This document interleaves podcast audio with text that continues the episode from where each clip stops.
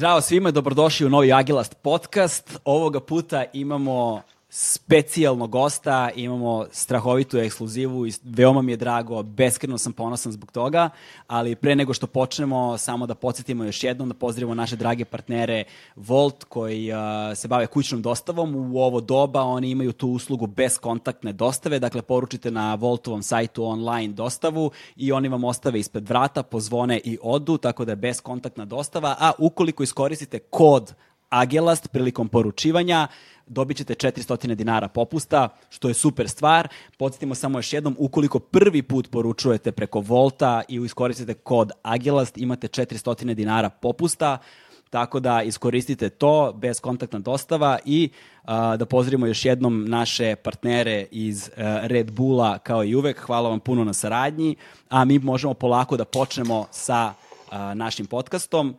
A, današnji gost je čovek koji je trenutno jedna od najpopularnijih ličnosti na planeti, čovek koji je deo ekipe koja je zadesio fenomen, ali doslovno fenomen neverovatno, neverovatan fenomen serije koja nosi naziv La Casa de Papel, na engleskom Money Heist.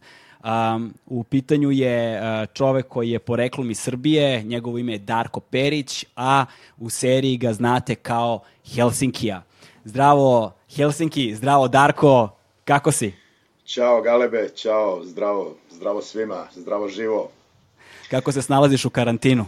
Pa evo dobro, izdržava se, ovde nam je već šesta nedelja u Španiji, ja živim u Barceloni, ušli smo u šestu, mislim, završava se, evo, sutra se završava, ovo je, danas je četvrtak, tako da...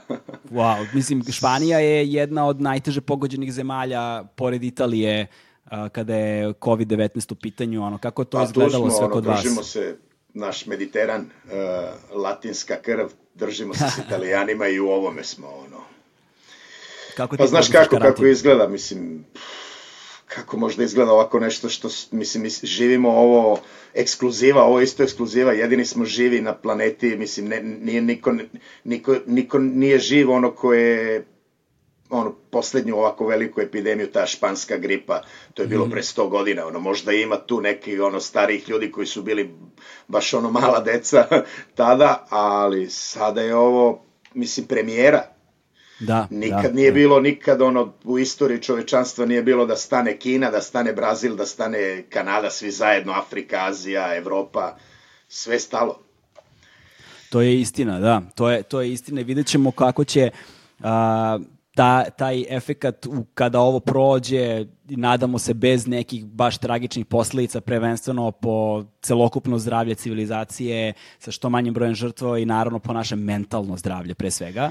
Ovaj, ali vidjet ćemo kako će nas taj ekonomski tsunami sastaviti ono koji dolazi ta recesija nakon, sam, nakon same pandemije. Pa dobro, znaš šta, recesija je bilo i bit će uvek, mislim, život je neki roller coaster Znači, da. samo pravo, to je jedan ono pisac ono rekao sve vibracija, znaš ono, mislim non stop ide gore oscilacija, ako je ovako, to je ono kad si, e, kad si mrtav sve, vrr, ništa ne pomenuo mm. si ovo mentalno zdravlje, mislim, to je najbitnije. Mislim, da. prvo fizičko zdravlje, a mentalno bez... Evo, ja bih da pročitam, znam da ti ono uvek čitaš, pogledao sam ti, ti tvojih par podcasta, E, znam da uvek čitaš odlomke iz neke knjige, ono tvoje omiljene sa, sa gostom. Evo danas malo da okrenemo, pošto sam ja glumac i... i, i čekaj, šta ćeš čitaš? Pa ovo je jedan od mojih omiljenih ono, pisaca, nije ovaj, ovo je više kao učbenik, on se zove Uspenski i u potrazi za čudesnim. Petar Uspenski. Petar Uspenski, da, on je, on je bio učenik Gurđefa, I ovde samo, ovo je stranica i po, priča se o odbojcima. Odbojnici su, mislim, evo, ajde da pročitamo. Hajde, hajde. Jer okej? Okay? Da, da, da, da, jedno čekam. Evo ovako. E, često razmišljate na veoma naivan način, rekao je. Vi uveliko mislite da ste u stanju da delate. Čoveku je najteže da se oslobodi ovog uverenja. Vi ne shvatate svu složenu svoje organizacije, ne shvatate da svaki napor, pored željenih rezultata, čak, se, čak ako se ovi rezultati postignu, daje hiljade rezultata koji su neočekivani i često nepoželjni. A glavna stvar koju zaboravljate jeste to da od početka ne počinjete sa lepom, novom, čistom mašinom.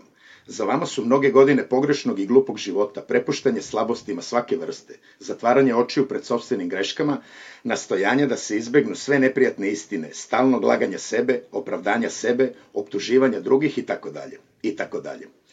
Sve to ne može da, a da ne utiče na mašinu. Mašina je prljava, mestičmično je zarđala, a na nekim mestima su stvoreni veštački delovi koji su postali neophodni zbog njenog pogrešnog rada. Ovi veštački dodaci će se sada u velikoj meri upliti u sve naše dobre namere. Oni se zovu odbojnici. Odbojnik je termin koji zahteva posebno obnašnjenje. Znamo šta su odbojnici na železničkim vagonima. Oni predstavljaju deo koji smanjuje potres kada vagoni, odnosno kola, udare jedni od druge. Da nema odbojnika, udarac jednog vagona od drugi bi bio veoma neprijatan i opasan. Odbojnici ublažavaju posledice tih udara i čini ih neprimetnim i neosetnim. Upravo isti Iste takve sprave se mogu naći u čoveku. Njih nije stvorila priroda, već sam čovek, mada ne svojom voljom. Uzrok njihovog javljanja je to što u čoveku postoje mnoge protivurečnosti kada je reč o stavovima, osjećanjima, naklonostima, rečima i aktivnostima. Kada bi celog života osjećao sve protivurečnosti koje u njemu postoje, čovjek ne bi mogao da živi i da postupa tako mirno kao što to sada čini.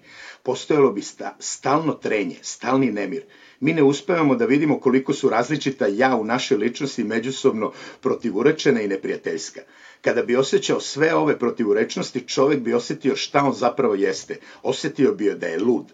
Nikome nije prijatno da oseti da je lud. Takva pomisao šta više oduzima čoveku samopouzdanje, slabi njegovu energiju i lišava ga samopoštovanja. On mora nekako da ovlada to mišlju ili da je se otrese. Mora ili da uništi protivurečnosti ili da prestane da ih vidi i osjeća. Protivurečnosti ne mogu da se unište, ali ako se čoveku stvore odovinici, on može prestati da ih osjeća i neće više osjećati posledice sudara protivurečnih stavova, osjećanja i reči. Odbojnici se stvaraju polako i postepeno. Veoma mnogo odbojnika se stvara veštački kroz obrazovanje, drugi se stvaraju pod hipnotičnim uticajem svega okolnog života. Čovek je okružen ljudima koji žive, govore, misle i osjećaju pomoć odbojnika. Oponašajući njihove stavove, aktivnosti i reči, on iste odbojnike spontano stvaraju u sebi. Odbojnici čoveka olakšavaju život, bez njih se veoma teško živi. Oni, međutim, čoveku uskraćuju mogućnost unutrašnjeg razvoja, jer su odbojnici stvoreni da se umanje potresi, a čoveka jedino potres može izvesti iz stanja u kome živi, to jest, jedino potres može da ga probudi. Odbojnici čoveka uljuljujkuju u san, daju mu mirno i prijatno osjećanje da će sve biti dobro, da nema nikakvih protivurečnosti i da može mirno da spava. Odbojnici su sredstvo pomoću koga čovek uvek može biti u pravu. Odbojnici pomažu čoveku da ne osjeća svoju savest. Eto, to je to. Pazi, znaš kako, odbojnici koji pomažu da ne osjećaš sobstvenu savest, ovaj, znaš, postoji, postoji čudan ambivalitet ono, u svemu tome, kao oni su ti zapravo nužni, ali ti i smetaju. Oni ti pomažu, ali ti i odnose. Mislim, znaš šta koliko ima istine u svemu ovome, ovo je pisano pre 100 godina, ovo priča o tehnologiji. Znači, meni da. se sad ljudi, ono, ljudi ko ovde na zapadu, koji je ovo prvi put zadesilo ovako nešto, mislim i nas je zadesilo prvi put, ali ovo u odnosu na sve one ratove 90-ih i bombardovanje i sve, ovo je kao, ma ajde, ono, Da, ali, nama nije prvo vanredno stanje. Pa da, ali ljudima je ovde ono kao smak sveta, razumeš, kakav smak sveta, čoveč, imaš vodu, imaš kuću, imaš uh, struju, imaš internet, imaš Netflix, imaš šta god hoćeš, znači, To da, imaš to. sve, konven, sve konvencije savremenog života su zapravo i dalje prisutne, ništa oni tu ne gube mnogo. Ali postoji činjenica da ova izolacija nije isto što i slobodno vreme. Znaš, ono utiče na ljudsku psihu na ovaj ili onaj način. Naravno, naravno.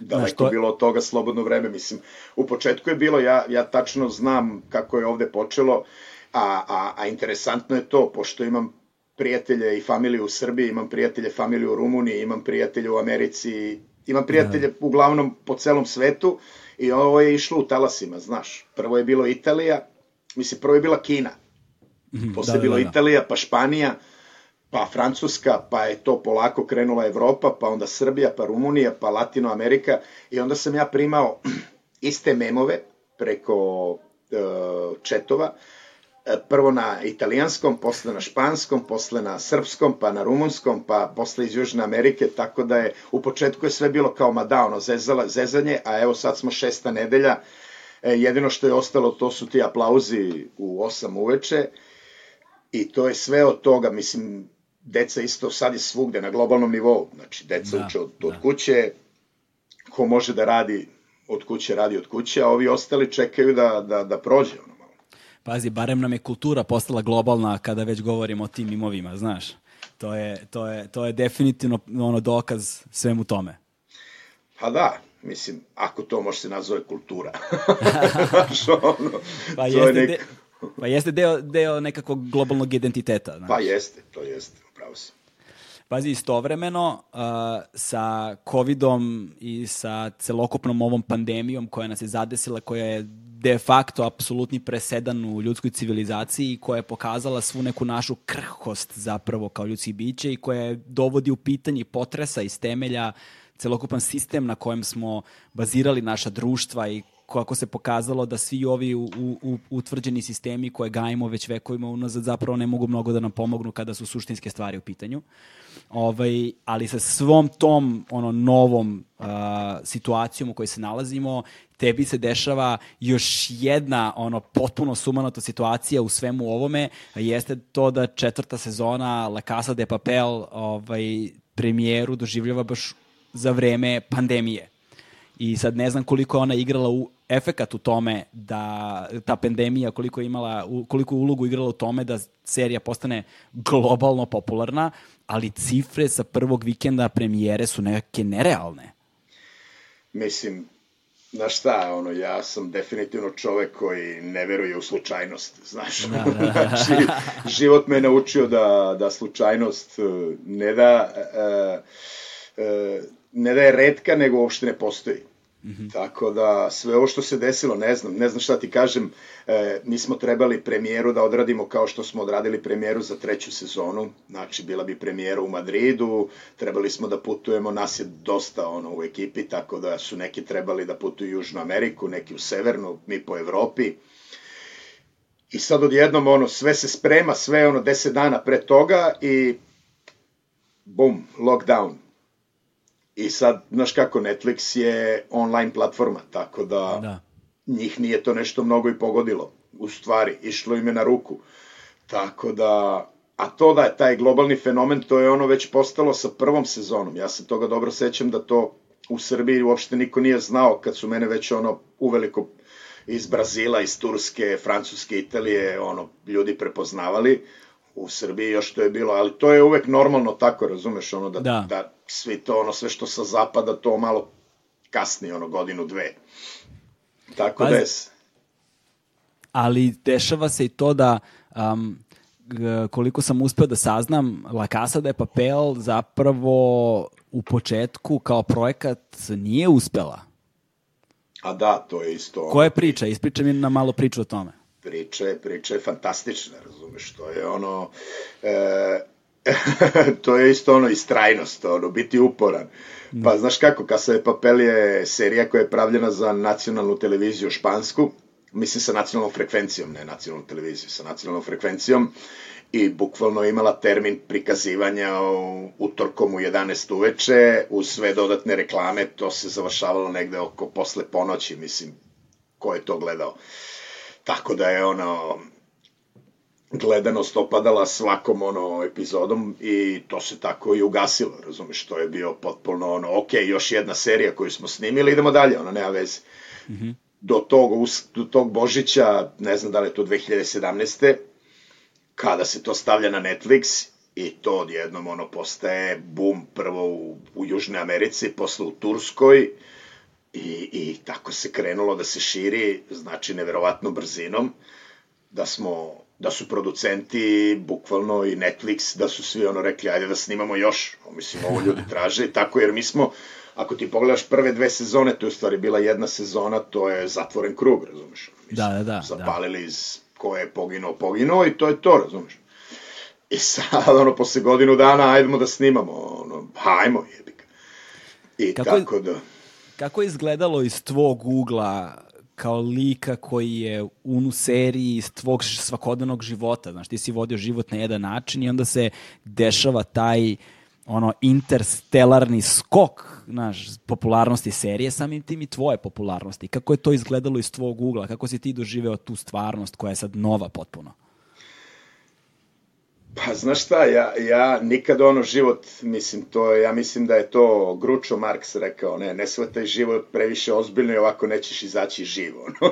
Tako da ja, veruj mi, ono, prijatelju, posle svog tog odrastanja u tim 90-im, uh, ne shvatam ništa previše ozbiljno. Razumeš, meni je sve to ono neki film. Ono, ja sad moj život gledam kao neki, neki film. Evo, upravo sam pričao sa drugarom iz Kladova, ono, iz detinjstva, i ono, kad vidiš te neke razlike u realnostima, razumeš, jer da, da, ljudi da. ono, misle da si ti sad u toj seriji, da si ti sad neki ono, a u stvari ja se trudim da ostanem isti kao i ranije, jer mi je, mislim, živeo sam ceo život tako, sad ono, mislim, znaš ono, naučiti psa nekim novim trikovima starog psa, ono, ali znaš šta, prilagođavam se, prilagođavam se svemu zato što ne mogu da kažem ono, e sad je sve isto kao i ranije, pa naravno da nije isto, ljudi me prepoznaju u celom svetu, ono, otvara mi vrata za nove projekte, ali nemam pojma, ja pokušavam da, da ostanem, da ostanem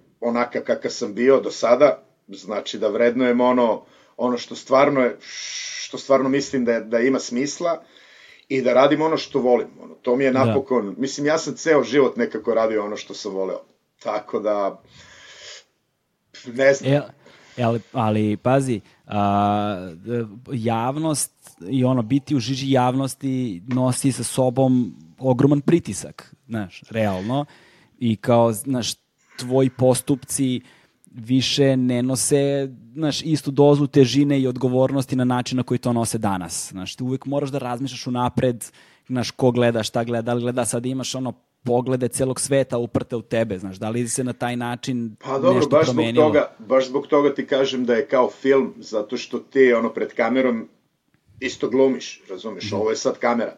Da, Ovde sad da. ja donekle glumim isto, razumeš, da, jer ovo ide za javnost I sad mislim kad bi, kad bi svako bio kakav je u svojoj kući ono u javnosti, mislim šta bi bilo to, to bi bio neki reality, ono da, da, da. to nema smisla, razumeš, niti ja niti ti, ja sumnjam da tvoji ono gledaoci gledaju takve stvari.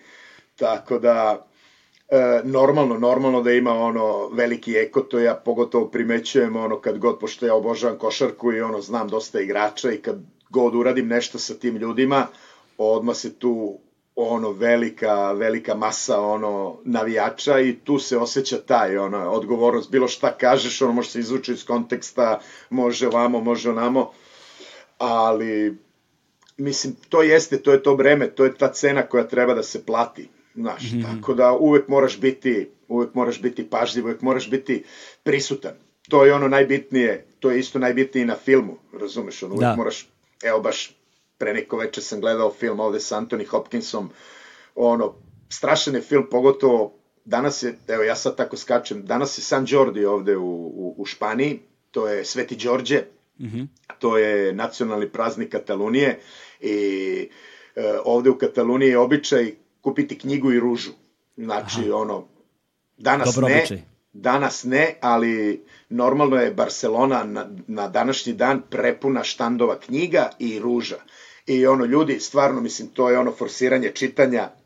Ja znam da ti isto voliš da čitaš puno i ja isto volim da čitam i odgledao sam pre neko veče film, strašan film iz 80-ih sa Anthony Hopkinsom, uh, neka ono uh, žena iz Njujorka se dopisuje sa knjižarom iz Londona. Ja, pa gledao sam to, na Netflixu sam ga gledao baš skoro. A ima ga na Netflixu, to je da, stari da, film, da, ono, da, ne, da, da fenomenalni film, ali mislim, samo sam deo hteo, ono, Anthony Hopkins, e, ne znam, Kitty Jelku, znaš, okrene se, uzme nešto i odjednom kao ubode se na trn.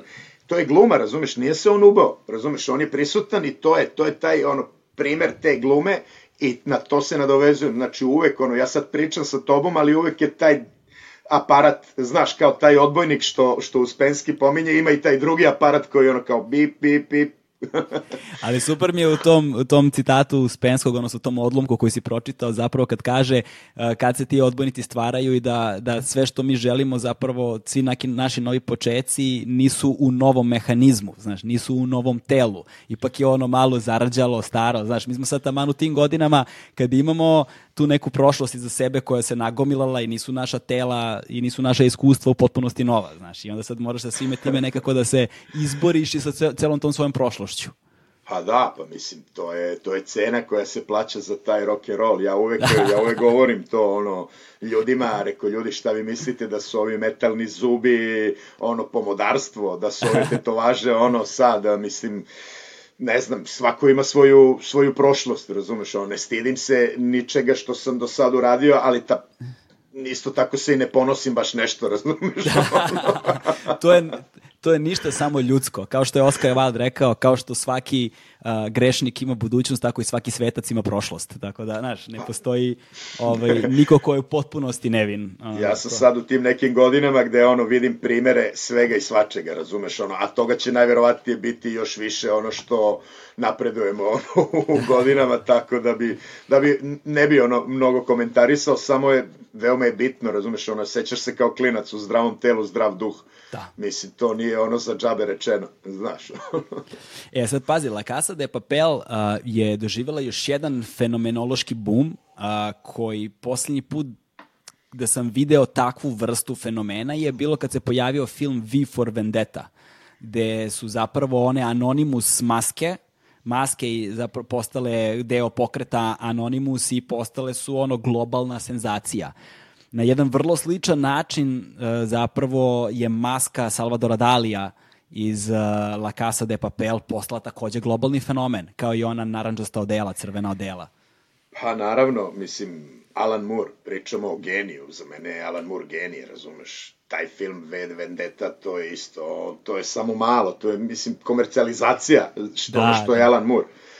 Tako da, mislim, znaš šta, evo imaš dokumentarac na Netflixu koji se zove Fenomen, koji je kako se snimala Casa de Papel i kako je to napravljeno, to su sve simboli, razumeš, maska je simbol, mogla je maska isto da bude maska, ono, Uh, ne znam, iz uh, Ghostbustersa, znaš, onaj Michelin, onaj veliki, znaš, mogla je da bude neki smiley ludi, mogla je bilo šta, ja mislim da uz crvenu boju, uz ono te moderne Robin Hoodove, uz muziku postala bi, postala bi sad što je Salvador Dali, što nije neko drugi, to je ono slučajnost, ja mislim, znaš, ali hteli su, hteli su glumci, šta znam, recimo sad kad bi u Srbiji ono snimali tako nešto, mislim, ko bi tebi prvo pao na pamet ono da staviš masku, čiju da. masku bi stavio, ajde recimo te pitam ono. Uf, čiju masku bih stavio? Vidiš, to je dobro pitanje. Wow, nemam pojma. Čiju ja znam ono dve, sad ono, mislim, dve mi padaju na pamet iz generacijski ono. Aha, ko je? Pa ne znam, neki Marko Kraljević, znaš, koji je verovatno, ali ono, znam da bi dosta ono, dosta njih stavilo i Gavrila Principa, znaš. Da, Tako da, da. Da, da, da, bravo, bravo, to je baš dobar primer. Gavrilo tako Princip da, Tako da, znaš, mislim, a, a simboli su uvek, ono, mislim. Mm -hmm. Tako je, da... Pa jeste, pazi, ovaj, a, ali pored toga, znaš, kad smo već kod simbola, tako je ponovo na neki način u prvi plan vraćana i Bela Ćao, potpuno neočekivano, znaš. Mislim, kažem ti, ono, slučajnost ne postoji. Recimo, samo malo da se vratimo na Dalija, pa mi je Dali, Dali je genije, razumeš? Da. Njemu mnogi zameraju, pošto je on ostao ovde za vreme Franka, razumeš? Ono, ali mm. ne možeš ti da zameriš geniju, zato što su ti ljudi su ti oni žive u nekom njihovom svetu, razumeš, ono. Da. Tako da je čak Dali, ono, i posle smrti, razumeš, opet postao, razumeš, opet nešto. postao. Ponovo su ga otkrili, ponovo su ga ponovo otkrili. Ponovo su ga zapravo. otkrili, tu je bila cela ta priča, razumeš, njegova familija, kao copyrights, trebate da platite prava, rekao, ma daj, ona, a ovi su im već tražili, ono, prethodno mm. pravo i oni su rekli, ma daj, ono, kao. I sad kad je to postalo, ono, svetski hit, a za Bela da. Ćao, mislim, Bela Ćao, Bela Ćao je tek, ono, to je tek bio hit, to je tek bio pun pogodak. Da, ono, da, da, Dalijeva maska i to okay, ali Bela Ćao je tek bilo repetitivni refren, ono, o Bela Ćao, a meni je ono, dok smo sve vreme, dok smo to snimali, meni je samo Bela Ćao od kud idiota u glavi odzvanja. samo Bela Ćao od kud idiota. Ja sam ono, mojim mojim ovo kolegama na snimanju pokazivao iz onog legendarnog filma Most, razumeš, gde je da. ovo Ivan Galo i, i Boris Dvornik, gde oni pevaju tu Bela Ćao, mislim, tu su se, tu se i Fritz iz Idiota, oni su se tako i, to je tribut Bela Ćao, da. razumeš, po tom filmu, taj film je 68. razumeš, ono, zlatne godine uh, naše kinematografije, ono, jugoslovenske kinematografije, ono, ti partizanski filmovi. I ovi su gledali to ono belo, znaš, a meni je Bela Ćao i onda, znaš, to je da. i Bregović i Manu Ćao i hiljade njih je obradilo zato što je to ono protest pesma, znači statement pesma, to je stav, nije, ali eto, Casa de Papel je napravila ono globalni pop hit, Pa da, pa, zato što postoji ta tačka identifikovanja, znaš, ona se direktno obratila na neki način, uslovno rečeno pod znacima navoda, malom čoveku. Znaš, imaš tu vrstu ono, pokreta, tu vrstu bunta, e, tu vrstu identifikovanja, znaš, koja je na mnogim nivoima dodirnula neuralgične tačke i upakovana je kao proizvod tako da je zapravo bila ono što bi rekli seljaci uh, relatable. Pa da, ali znaš šta, to je, u početku je bilo ono, ajmo reći, slučajno, znaš, nije bila da. ta namera, razumeš, mada je bilo, od početka je bilo ono, zašto su imena gradova nisu španska, zašto mm. su ono sve stavljeno da to bude, ok, to je Španija, ali to može biti gledano u celom svetu, da, da znači, da, ali ove sledeće sezone, to su već ono napravljene planski, ja kontam da je to već sad, znaš, ono, kao imaš taj fenomen, imaš te simbole, ajmo sad da razvijamo to, znaš, kao rezistencija, mislim, ljudi su počeli ono da se oblače kao mi u seriji na svim živim protestima u svetu, e, da pevaju Bela Ćao, da nose maske, mislim, ne znam, e, nekako je, ali ono, da se vratimo, to je Bela Ćao, mene to nekako iritiralo, taj ono, ja to, ja to zovem ono, Mickey Mousealizacija Che Guevara, znaš, ono, da, da, Che da. Guevara da. odjednom nose se na majicama, pravi Gucci, prave ovi, prave oni, znači, to je neki posto simbol tog kapitalizma, i sad ta Bela Ćao odjednom, to sad, ono, postaje simbol kapitalizma, prave ga na tehnožurkama u Japanu, e, puštaju je na reggaeton u, u Južnoj Americi i sad niko ne zna taj neki background i gubi se, znaš, gubi se u, u moru tog konzumizma. Čak da. su i neki ono navijači desnica, desničari pevali Bela Ćao, razumeš, što je ono nekako kao, šta je ovo, nezamislivo. Da. E, tako da. da sam ja ono, bukvalno pre jedno par meseci sa prijateljem mojim Jesusom, kompozitorom, uh, pričali smo, znaš, ono, lik je na istu smo talasnoj dužini, ono, slični su, ono, muzič, muzički pravci koji nas zanimaju, on je, on pravi muziku za filmove, I ne znam da li si odslušao ovu verziju Marka Ribota i Tom Waitsa, Bela Ćao. Uh, ne, nisam tu verziju čuo. Znači, odjednom su svi počeli da pevaju Bela Ćao i odjednom se pojavi verzija Tom Waits peva Bela Ćao. Ja rekao, šta je ovo je? ono, Tom Waits nema nikakve veze sa serijom. Mark Ribot je napravio ono Songs of Resistance, eh, kompilaciju sa raznim muzičarima i meni tu sine ideja s ovim mojim prijateljem i kažem, hajmo da napravimo i mi tako nešto Mm -hmm. Meni su recimo pesme, ono, partizanske pesme, ima tu ono par, ono, pada i silo i nepravdo, to mi je ono, hit, hitova. Onda imaš te italijanske, imaš grčke, imaš španske. Pričali smo o tome i onda je na, naravno ono kao Bela Ćao. I onda sam ja rekao, slušaj, ajde da napravimo neke ono, uh, da ja, da tu Bela Ćao da pokušam ja koji sam ono, pod navodnicima jedan od krivaca da je ta Bela Ćala postala tako popularna i tako besmislena, ajmo da napravimo obradu Bela Ćao i čoveče mi to snimimo bukvalno nedelju dana pre lockdowna u Madridu, trebali smo da snimamo spot i sve da to ide normalnim nekim putem.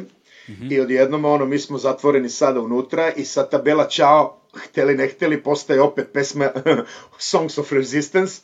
Svi ovde sa balkona pevaju u Španiji, u Italiji i, i, i evo mi ćemo da izbacimo ono za par dana će biti će biti dostupna na svim platformama ono neka naša verzija e, Bele Ćao gde ćemo mi da napravimo ono video zašto Bela Ćao mada je sad to nema smisla zato što je ponovo taj isti ono ono smisao poprimila zahvaljujući ovoj da. pandemiji Pazi, za Kud idiote, a posebno za Alana Mura, verujem da si sada među brojnom populacijom ono koja prati tu vrstu kulture dobio beskrajno veliki kredit. Ne znam da li si slušao Alan Murov onaj album gde on čita priče zapravo uz muziku, je, znači to je potpuno, Ma, potpuno van pameti ovaj, s, jedne, s jedne strane, ali s druge strane si pomenuo baš puno tih nekih kulturnih referenci koje su vrlo fascinantne jer onda te smeštaju u jedan kontekst a, ovaj, kakav se ne viđa često među ljudima koji nose tu vrstu popularnosti sa sobom, znaš, da zapravo imaš te elemente, to je underground, ono, i alternativne kulture u velikoj meri, ono, kao deo svog identiteta. Pa slušaj, ja sam prošle godine u Kanu, u Kanu je bilo e, neverovatno, mislim, tad sam imao neke ono, kako se to kaže, ono, prosvetljenje, bukvalno, jer sam video na velikim billboardima Jim Jarmusha i na drugom Quentin Tarantina. e, znaš šta, mislim, i Quentin Tarantino i Jim Jarmusch su bili punkeri. Da, da, da, da, da, mislim, da, ti da, ljudi da, da. dolaze iz dubokog undergrounda i sad ih stavljaju ono na, u kanu, oni su bogovi. Razumiješ da, ono, znači da. oni su sada ta pop kultura, oni su ti tako da ja mislim da većina ono tih pravih ono ljudi ima taj ranac tog undergrounda, razumeš, ono, pričamo o, ajde da pomenemo Pasolinija, recimo, mm -hmm. italijanskog režisera koji je, ono, sada referenca mnogim ovo e, režiserima, tako da nemam pojma, mene, mene je to privlačilo. Da, Naravno da sam odrastao uz pop kulturu kao i svi, jer tu je ona zato i pop kultura, ali mi je uvek bilo interesantno ono što ne zanima veliku većinu. Da, da. Pa pazi, znaš kako, baš kad si govorio o toj uh, Mickey Mouse-alizaciji zapravo pesme Bela Ćao, ono, dobar je primer, znaš, kao i Ramon Smajca se sad kupuje u Zari za 10 evra, znaš, tako da... Znaš, de, Eto, to je taj primer, Ramon da, Smajca de... ili, ili Kosturska glava, ono. Da. Ti znaš da. šta je bila Kosturska glava tetovaže 90-ih, šta je sad Kosturska glava, možda svi, ono, to je ono, mislim, to je to, To da, da, hoće da ti kažem, kapitalizam uzme nešto i, i to je to. Oduzme ti ga, znaš. Mhm. Oduzme ti ga iz tvoje kulture, mislim imaš onaj Naomi Klein, ona knjiga No Logo, razumeš kako da, su oni da, išli da, po tim, da, ono, bravo. to su ti ti fashion huntersi, razumeš, bukvalno ti ukrade u identitet, mislim, to se radi hiljadama godina, razumeš, ali sada u ovom današnjem vremenu, znači, odjednom nestane. Ko je to, ta tetovaža, recimo, bajde sad da pomenemo da. te tetovaže, razumeš, ono, šta je sad tetovaža? pa sad je ništa, evo, ja prvi mogu da kažem, ali s druge, da, s, s, dru, s druge strane, Ovaj, e, da, zanimljivo što si pomenuo Naomi Klein, jer sam ja mislim baš u nekom od prethodnih podcasta takođe pominjao, posle te uh, No Logo je bila i njena čuvena knjiga Doktrina šoka, koja da, je da. zaista ono, ja, jako lepo objašnjavala izvesne fenomene u svetu, znaš, u koje nećemo sada da ulazimo, da. ali, ali, ali hajde, da se, hajde da se malo pozabavimo više tobom. Dakle, uh, ono što šira javnost negde zna jeste da si ti zapravo rođen u Kladovu, je li tako? Da, da, ja sam rođen u Kladovu. Kladovo za, stranu, je ono, za stranu publiku? Za stranu publiku. Kladovo je ono mali gradić na obali Dunava, istočna Srbija, granica sa Rumunijom.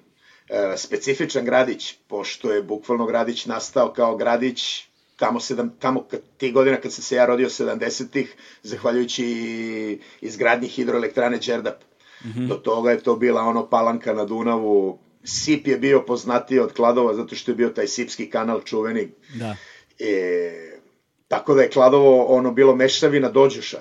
Znači, tu je ono, to je Vlaški kraj i odjednom sad ti imaš ljude, ono, inženjere iz Beograda, iz Hrvatske, iz Bosne, imaš radnike na, na Đerdapu, to je ogromna, ono, ogromna institucija, ceo grad je živeo zahvaljujući tome i tu sam se ja rodio te davne 77.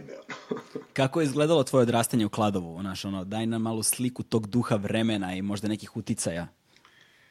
Pa da, ono, mislim, sad, sad se vraćamo u te neke bezbrižne godine, ono, Dunav čoveče. Ja se sećam kad smo bili klinci, ono, mi smo išli, ili smo te jurke u Dunavu, ono, e, a, a, a, a bistra voda da možeš da gledaš ono kroz, kroz vodu u Dunavu. Znači, to je jedna stvar koja mi je onako, pa to neko pecanje sa, sa mojim dedom. Deda mi je inače bio brodarac, mm -hmm. e, u stvari, znaš kako te, te familije, to deda, deda ujka, ovaj, onaj, u stvari on je bio brat moje babe, ali mislim, deda smo ga zvali, znači to je sve bilo, on je bio brodarac, on je radio, on je bio rečni brodarac, oni ti Aha. čuveni brodarci koji su išli gore od Hamburga pa do Crnog mora, razumeš, ono, ti opasni uh, brodarci, ono, koji su, ono, Dunavom, Tako da je, ne znam, meni je ono, celo to odrastanje u Kladovu detinstvo vezano za Dunav. Ja sam bukvalno sa mog prozora uh, gledao Dunav.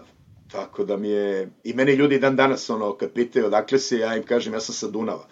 Meni je Dunav, uh, ne znam, ti znaš, verovatno ti si iz Beograda, kad da. je neko ono, rođen u gradu na Dunavu, taj Dunav tako jak utisak ostavlja na njega, jer znam, imam prijatelje iz Beča, imam prijatelje iz Budimpešte, Bratislave, svih tih gradova gde prolazi Novi Sad, recimo, mislim, da, da, znaš, da, i Novosađanima je Dunav, Beograd ima i Savu, mm. znaš, ali da. Novosađanima je Tako da je... Da, u Beogradu je ušće Save u Dunav zapravo ono veliki deo identiteta jednog grada, čak je to na svim fotografijama, pa, na svim, da. to je Kalemegdan i ušće Save u Dunav. I ono ima i ogromnu istorijsku težinu, ima ogromnu trgovinsku težinu, ima, znaš, ono, reke su zapravo ono gde se civilizacije stvaraju, znaš, tako da... Pa to je ta čuvena, ono, ljudi koji prvi put dođu u Beograd, pa odu na Kalemegdan i gledaju Savo i kao, ja, što je lep Dunav, ono. ono to je, to je to. Ali dobro, mislim, Kladovo tih godina je bilo što bi se reklo, ono, totalna inkognita u staroj Jugoslaviji. Mislim, ko je znao to? To je bio kraj sveta, to je bio taj kljun mm -hmm. koji ulazi u Rumuniju, a Rumunija bila iza čelične zavese, znaš, tako da bukvalno kom si god, ja se sećam kao klinac kad smo išli na letovanje u Hrvatsko, dakle si Kladovo, gde je to? Niko ne zna. Onda kažeš Đerdap, e, onda ono kao, okej, okay, to je to. Da, da, da, onda sve znaju po tim nekim velikim postignućima. Nego, a, u to vreme, se, kao 70-ih, kraj 70-ih, zapravo više, više 80. godine tvog Osam. odrastanja u Kladovu, ono, tu su zapravo bili tvoji neki prvi uticaj, ono, kulturološki koji su te izgradili koliko sam ja razumeo, znaš. Tad smo, ono, mislim, ja sam na pet godina mlađi od tebe, ali pretpostavljam da smo konzumirali istu kulturu, znaš, tad su bili ono crtani filmovi Baltazar, Čudesna šuma, znaš, gledali su se, gledali su se partizanski filmovi, ne, ono. Pa da, pa mislim, kao svi klinci, ono, kao ta, cela ta generacija, razumeš, 70-ih, 80-te su za nas bile zlatne 80-te čoveče. Ja sam imao 7 godina kad je bila olimpijada u Sarajevu. To je bio događaj koji, ono, mislim, ne znam da li će ikada još jedna generacija, ono, dok smo mi živi na Balkanu doživeti olimpijadu, razumeš, da. u nekoj da, od tih da. sad republika sadašnjih, razumeš, ono. Tako da ja uvek kad kažem, ono, te 80. za mene, prvo, bio sam klinac, neka idila, ono, ne, neke godine, za mene to je, ono, od treće do 13. znači te najbolje neke godine tog detinjstva, a drugo, to je bila zemlja koja je, ono, mislim, umro je Tito, sve je krenulo da. nekim tokovima koje ti tad nisi baš ni, ni, ni, ni, ni kontao gde to sve ide, šta je sve to, ali i dalje ono, imao si osjećate neke sigurnosti, sve je funkcionisalo, televizija, da. E, kinematografija, pomenuo si Baltezara, to domaći crtani film bio, Čudesna šuma, to su ta dva crtana filma koje su mene na mene ostavila takav ono utisak da sam ja od malena, ja sam od malena voleo da crtam. Meni je Aha. to i dan danas mi je hobi i dan danas me opušta to da crtam. Tako da sam, to mi je prvi ono bio taj neki kao san, neki ono klincu kao hoću da pravim crtene filmove, razumeš? Da. A onda uvek to pomenem, mislim to možda pogledaš i na, na mom sajtu, to je meni ono kao uh, taj događaj u Domu kulture u Kladovu koncert e, kubanske pevačice. Pazi ti ko je to događaj, to je neka tad nije bilo mobilnih telefona, nije bilo kamera, to nema nigde snimljeno, Zapisano, razumeš što uh, taj događaj ti dođe u takvo neko selo, ono, sa Kube, I to je bio događaj, svi ono, celo selo, razumeš, ode tamo u, u dom kulture, svi picnuti, ono, ovo. I sad ta pevačica, kao trebaju neko da peva pesmu i ono iz publike čap mene, čapi za ruku i popne me na scenu, razumeš. Ja ti to bilo ja, prvo pojavljivanje na sceni? Prvi, ono, ne znam da li sam kao bio kao 4-5 godina, razumeš, prvi, ono, na daskama koje život znače, razumeš, i ja mislim da sam se tu inficirao ali najinteresantnije od svega toga što sam zajedno sa njom pevao Guantanamera. Razumeš, to je ta čuvena ono Guantanamera i sad Guantanamera se pojavljaju u trećoj sezoni Casa de Papel. Tako da, ono, mislim, o čemu mi, ono, o slučajnosti, ja ne znam, da. previše slučajnosti, znaš. Život je, život je na neki potpuno čudan način napravio pun krug u tvom slučaju. Ne, mislim, neverovatno. I tako, ali ja, pazi, ja sam to Guantanamera, ono, to ja već govorim godinama za svim intervjuima i sve to, tako da su to neka sećanja, i sad treće od tih, ono, uh, je školsko dvorište ispred kuće moje babe sa mhm. koševima i košarka, znači, ono, bukvalno, poslala mi je sestra ono pre nekoliko meseci sliku, znači ja klinja ono šest godina sa košarkaškom loptom, to su ta neka, da. to je to detinstvo, razumeš, Kladovo, čega se ja da. sećam, Dunav, nama nije bilo potrebno more, iako sam tih 80-ih išli ono, na more, i onda je 90-ih normalno ono došao potpuni zastoj i onda je Dunav je moje more. da, da, da, jeste, zaista. Ovaj, i, ali ti si uh, završio osnovnu školu u Kladovu, ali tako, i morao si da se prebaciš u drugi grad za srednju školu. Pa dobro, znaš kako, ja sam od malena ono bio ono free spirit. Meni je. Da. ono, ja sam kao klinja, sećam se, znaš, dok su još klinci izlazili ispred zgrade, ja sam ono već sa starijima ono zujao po centru. Da, da, da, da, da, da, Tako da mi je Kladovo s tih nekih 13 godina postalo premalo. Da, da, Postalo da. mi je premalo, tu su već došle te godine, ono, adolescencija, teenager, provalio si ko, kako šta, ono, ja sam provalio punk, to. I to je bilo to, je bilo to razumeš. Koji su bili sam, prvi pankerski uticaji? Imao sam dve srednje škole u Kladovu, mogo si da biraš e, gimnaziju ili elektrotehničku, a, a ja sam ono, ne znam, nekako bežao te matematike uvek i na kraju me je stigla i na kraju mi je veoma potrebna. Ali bila je veterinarska škola u Negotinu, srednja, a moj komšiluk je ono, to je sve podsvesno, razumeš, ja kontam, da. ja to, to sad vidim iz ove perspektive, moj komšiluk ja sam živao pored veterinarske stanice, komši u zgradi bio veterinar, kuća preko je bio veterinar, ono, i tako sam ja ono, kao, ajmo u, u Negotin, u srednju veterinarsku školu, By the way, iz te škole su izbacili Dobriću Cosića, jer je napravio neku ono zebanciju. Po tome je bila ta ono Rajko Bosnić Bukovo, ono, Rajko Bosnić se zvala škola, ne znam da li su promenili ime, to je narodni heroj, on mislim, to je, to je bila kaubojska škola, to se tako zvalo tih 90-ih, to je bilo na 3 km od Negotinu u brdima oko Negotina, razumiješ? Wow, i čekaj, ti si se preselio zapravo sa 13 godina, odnosno sa 14 godina kad si krenuo u školu, preselio si se u Negotin. Ja sam se preselio u, u, u internat, mi smo bili Aha. u internatu. Kako izgledao internat u Negotinu? Ono... to je bilo, prijatelju. To je 91. je li tako nešto? to je 91. Da? To je ono, wow. kreće rat, kreće rat, kreće ono svo ludilo, a ti si tamo u internatu u srednjovete, srednja poljoprivredna škola, razumeš, mi smo, ono, nama je praksa bila, čuo si krave, čuo si ovce, čistio si svinjac, ono, mislim, to bi ja sad voleo sada da radim, razumeš, sada mi kažeš, idi sutra tamo, odmah bi se spakao, ostavio sve i otišao, ali tada u tim godinama, razumeš, klinja koji te ovde bude panker, ono, koji se palio na, tada je krenuo taj MTV, razumeš, ono, to je za mene bilo, jao, šta je ovo je?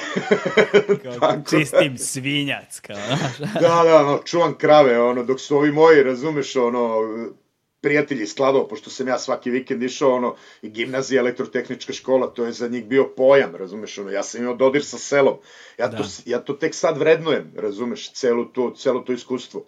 To mi je tad bilo ono kao, kao i svima, razumeš, u tim godinama, klincima koji nemaju pojma ništa o životu, to mi je bilo, ma daj, kao, Pa pazi, u to vreme, a pritom to su kao, to je sad početak 90-ih, ti ulaziš u adolescenciju, u taj tinerijski period i pomenuo si malo pre Džarmuša, pomenuo si malo pre Tarantina, to su ljudi koji tada su zapravo eksplodirali, ono, Džarmuš je imao one njegovu noć na zemlji, pa imao je Deadmana, pa imao je onaj serijal o Nilu Youngu, pa je da, sa Tom, to Tom Waitsom. razumeš, ono, da, da. Džarmuš je bio down by, down by low, ono, da, down da, by da, low. Da, da, da, da, da, da, da. To je Quentin Tarantino, čoveče, Reservoir Dogs. Evo, opet se vraćamo, znaš, e, recimo, Casa de Papel, to je jedan tribut. Ovaj, showrunner i scenarista, oni su napravili tribut uh, 25 godina od Reservoir Dogsa. Stvarno? Prvi Reservoir Dogs Tarantino, čoveče. Da, to je, da, da. To je ono, u tim godinama za nas klince, to su bili punk filmovi. Razumeš, to su bili punk filmovi, seća se, ta, to, to, sad smo skočili u te nesretne 90. razumeš, to je ta već srednja škola, seća se Crnog bombardera, čoveč. Da. Crni bombarder, filmčina. Da, filmčina, da. ono, opasna priča. Za te, za, za te godine. Razumeš, da. klinca u tim godinama, to je, jer si u, paralelno si imao Mini smo Anđeli i Buleva revolucije, sad zavisi ko kako šta gleda, razumeš, si imao Da, to su bili Nek... filmovi koji su određivali generacije u smeru kao gde pripadaš, to bili su da. deo tvog identiteta, kao, znaš, da li da, si kao tim Mi nismo anđeli ili si tim Crni bombarder, ono? Da, da, da. A, a, a tad je bilo, to je bio i kraj te neke gitarijade u tom obliku, zajčarske gitarijade, mm. koja je bila ono na jugoslovenskom nivou.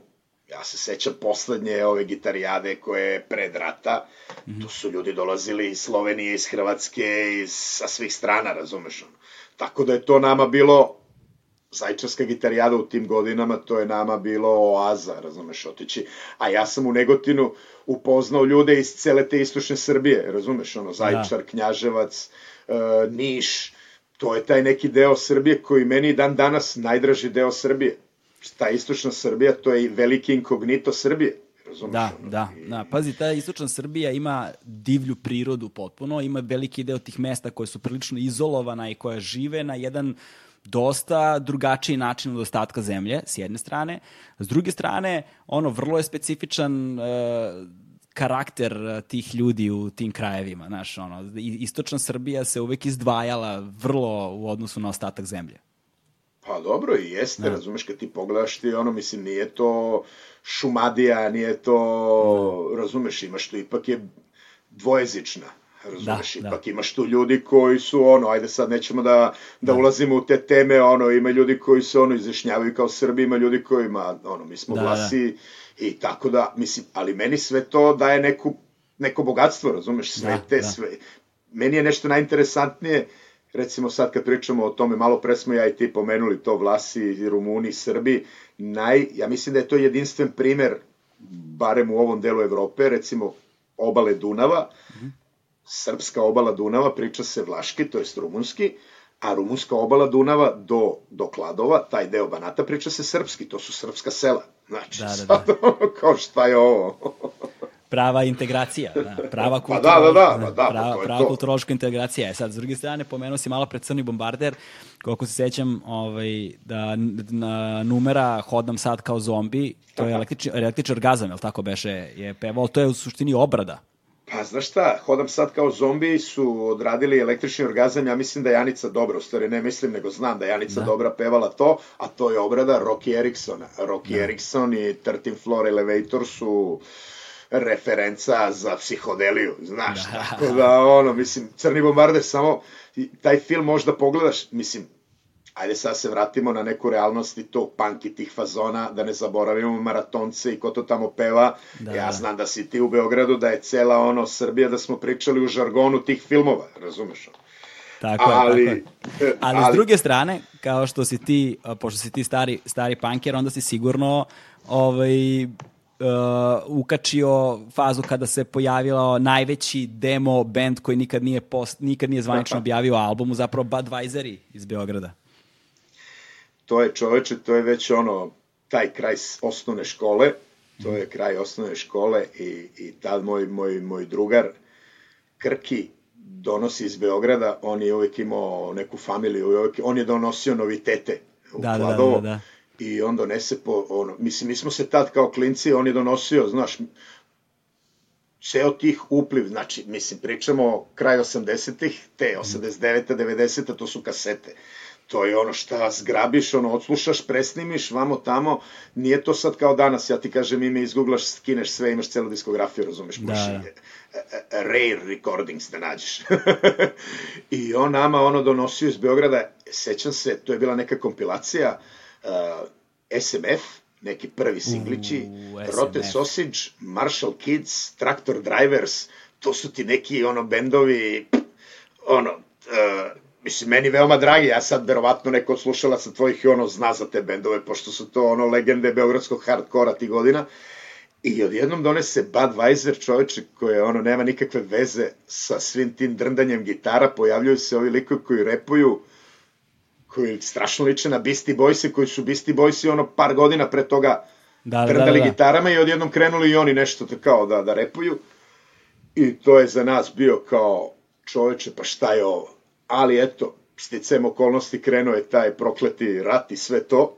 Da, Tako da, je taj ono hip hop nekako otišao u totalnu ilegalu. Ja mislim Jeste, da više da, nije da. ni izlazio iz tih blokova u Beogradu, do nas nije stizao, znaš. Pa znaš kako, hi, ovaj, taj, uh, sa, sa, sa Budweiserima je vrlo specifična situacija. Znaš, oni su imali potpisan ugovor sa Search and Enjoy, zagrebačkom izdavačkom kućom u to Hm. vreme i onda kako se desio zapravo taj rat, ovaj, to izdanje nikada nije bilo objavljeno, a posle je Krle, čini mi se basista grupe, poginuo u saobraćajnoj nesreći i to je bilo Hm. kraj jedne ere. Ali oni su zaista bili jedan od najpotentnijih ono bendova u tom trenutku koji je generisao jako veliki broj ljudi i napunili su tada čuvenu ono ba, veliku baštu veliku baštu SKC. Ovaj e, srednju školu završavaš koje godine? Srednju školu završavam 95. Mm -hmm. 95. završavam srednju školu, tad se završava Juratovi u Bosni, ono, potpisano je to primjeri u Daytonu i znaš kao, ja sam od malena ono hteo to da se bavim glumom, to je meni bilo neki od tog početka ono što sam ti pomenuo Kubanske sa tom- pevačice. Sa tom kubanskom pevačicom i Guantanamera su pesmom. Ja sam u osnovnoj školi u svim predstavama, bukvalno, znači, ono, od nekog trećeg, četvrtog razreda pa do osmog razreda uvek glumio. E, onda je došla ta deskonekcija od svega toga, došla je ta kaubojština, taj punk, te lude, ono, mislim, ta srednja škola, to su stvarno, mislim, to su te godine 91. 95. najluđe, ono, godine, pa, mislim, stvarno svima, ono, a kamoli nekim, ono, tinejdžerima koji su, pogotovo te godine, ja sam živeo od Negotine granica, tu je bilo ti buvljaci, tu je bilo ono tih švercera iz Bugarske, Rumunije, to je, bože moj, kad se to, da toga danas setim, to mi izgleda, znaš, ono, sad sva ta putovanja po svetu, odem u Južnu Ameriku, pa sam ono, Aziju, pa vamo tamo, i znaš, ono, Afrika, ono, Maroko, kad sam bio rekao, ljudi, pa ja sam to video, ono, dok sam bio klinja, meni je sve to bilo, ono, to. Negotinu. I u Negotinu nisam morao da idem od kuće, razumeš, ono, prvi taj talaz, ono, Rusa, ono, jedna crvena i to, do, pre nego što stigli u Beograd, ono su stigli su kod nas prvo, razumeš, da. svi to. Tako da, kad se toga sad setim, mislim, sad, kad, uvek kad zagrebam tako ta, uh, u prošlost toga is, ispliva brdo toga, koje ću ja neverovatno jednog dana, ono, kao i svi, ono, naši, kao i svi moji prijatelji, ono, da pretočim u knjigu, jer stvarno ima, kad pogledaš, ono, dosta toga. Ali, te 95. ono, bio sam svestan da su mi veoma male šanse da upišem akademiju u glume u Beogradu. Kao prvo, uh, to je bilo nerealno. Uh, mojim roditeljima, ono, 95. sve 90. kao, šta ćeš da budeš? Glumac. Da, da. kao, šta da Ja, radiš? ono? ja, to je sindrom mnogih generacija, znaš, to je sindrom mnogih generacija. U mojoj kući je isto bilo, ovaj, kao, znaš, kad god sam pružao ruke ka umetnosti, a onda majka snap, ono, naš udari me i kao, ne, zanat, sine, zanat. A da ne, imaš, zato da. što kao i ti, ono, i kao ja svako svom detetu misli ono najbolje, razumeš? Da, A da. sad, e, šta može biti bolje nego da ti bude sin doktor, advokat ili, mislim, to je meni najbolje, ima jedna rečenica, ono, to je John Lennon, ono, kad ga pitaju kao, pitaju u školi, kao, šta ćeš ti biti, ono, šta bi volao da budeš kad porasteš? I sad John Lennon kaže, "Pf, ja bi volao da budem sretan. E, ja sam to, ono, prihvatio za sebe, ono, šta je volao da porasteš i mo malom, ono, uvek govorim kao, samo je bitno da budeš sretan, ono, nek te ne zanima ništa, ja u, nikad neću zaboraviti moja majka jadna koliko je ona, koliko se ona napatila, svi ovi ostali komšiluk ceo gradića, ono, jao vidi tvoj sin kako se oblači, pa nosi krestu, pa seća se tih 90-ih, ono, baš zbog tog hip-hopa, ono, mi smo izlazili u pidžamama napolje, ne znam da se sećaš, posle to dizelaši prihvatili te šarene pantalone, pa su nosili, Šalvare, pa, šalvare. šalvare, ono, e, Da. mi smo to furali, ono, klinci, pankeri, znaš, kao taj hip-hopa, te šarene, ja sam tako izlazio u gradu, ono, i, ali Keva je ono, ma šta me briga, razumiješ, a ja sam uvek, ono, pogotovo to, ma kao, ma baš me briga, ono, nek, nek pričaju, uopšte me nikad me to nije, ono, nikad me nije tangeralo ni malo, razumeš, ono, E, ali, ali ti si zapravo sa završetkom srednje škole upisao veterinarski fakultet? Da, da, upisao sam veterinarski fakultet u Bukureštu. Znači, e, zapalio ti... si za Rumuniju. Pa znaš kako, granica, granica Rumunija, uh, velika inkognita, jer ti 80-ih išlo se u tu Rumuniju, pogotovo ljudi tu pogranične zone, išlo se na, na skijanje u, u Brašov, znači mm -hmm. to je ta Transilvanija, i išlo se preko puta Kladova je gradić u Rumuniji od nekih sad stotinak hiljada stanovnika, znači koji je ono za istočnu Srbiju bio, znači na nivou, pa ne znam, ono mali, manji od Niša, ali je veći od Zajčara, znaš. Da, to je da. nama bio najveći grad preko puta Dunava, maltene. Tu je, znači ti kad se spuštaš u Kladovo, zavisi od ako dolaziš iz Negotina noću, vidiš Kladovo koje je ovako i onda vidiš Turnu koje je ovako i čini ti se kao, fu, koliko je ovo Kladovo. A u stvari to su dva grada. Da, da, da. da Tako da, da, da je meni ta... Dosta je ljudi studiralo u Rumuniji za vreme Čaušesko iz, eh, iz pograničnih, mm -hmm. znači Kladovo, Negotin, pa taj gornji deo oko Vršca i to. Tako da sam ja otišao na fakultet sa još jednim prijateljom, otišli smo da studiramo u Bukurešti. I to je bio kultur šok, totalni. Znači, to je kad, kad smo već odeš, kod kultur šoka. Da, kad smo već kod kultur šoka, ti odeš iz gradića Kladovo, Negotin, to su ti ono 30.000, e, ajde. Odeš da. u grad od 3,5 miliona stanovnika. Ja sam bio ono kao klinja u Beogradu par puta, pošto je nama ono Beograd kao svima ljudima iz provincije, Beograd je bio ono uf, monstrum grad i sad ti da. dođeš u Bukureš koji je dva puta veći od Beograda. Znaš, koji je bukvalno komunistički grad napravljen, e, ogromne zgrade, sve isto, imaš najveća zgrada u Evropi ti je u Bukureštu, ne znam da li znaš za to. Ne, ne znam, ne znam, koja je zgrada? Zgrada parlamenta, uh mhm. -huh.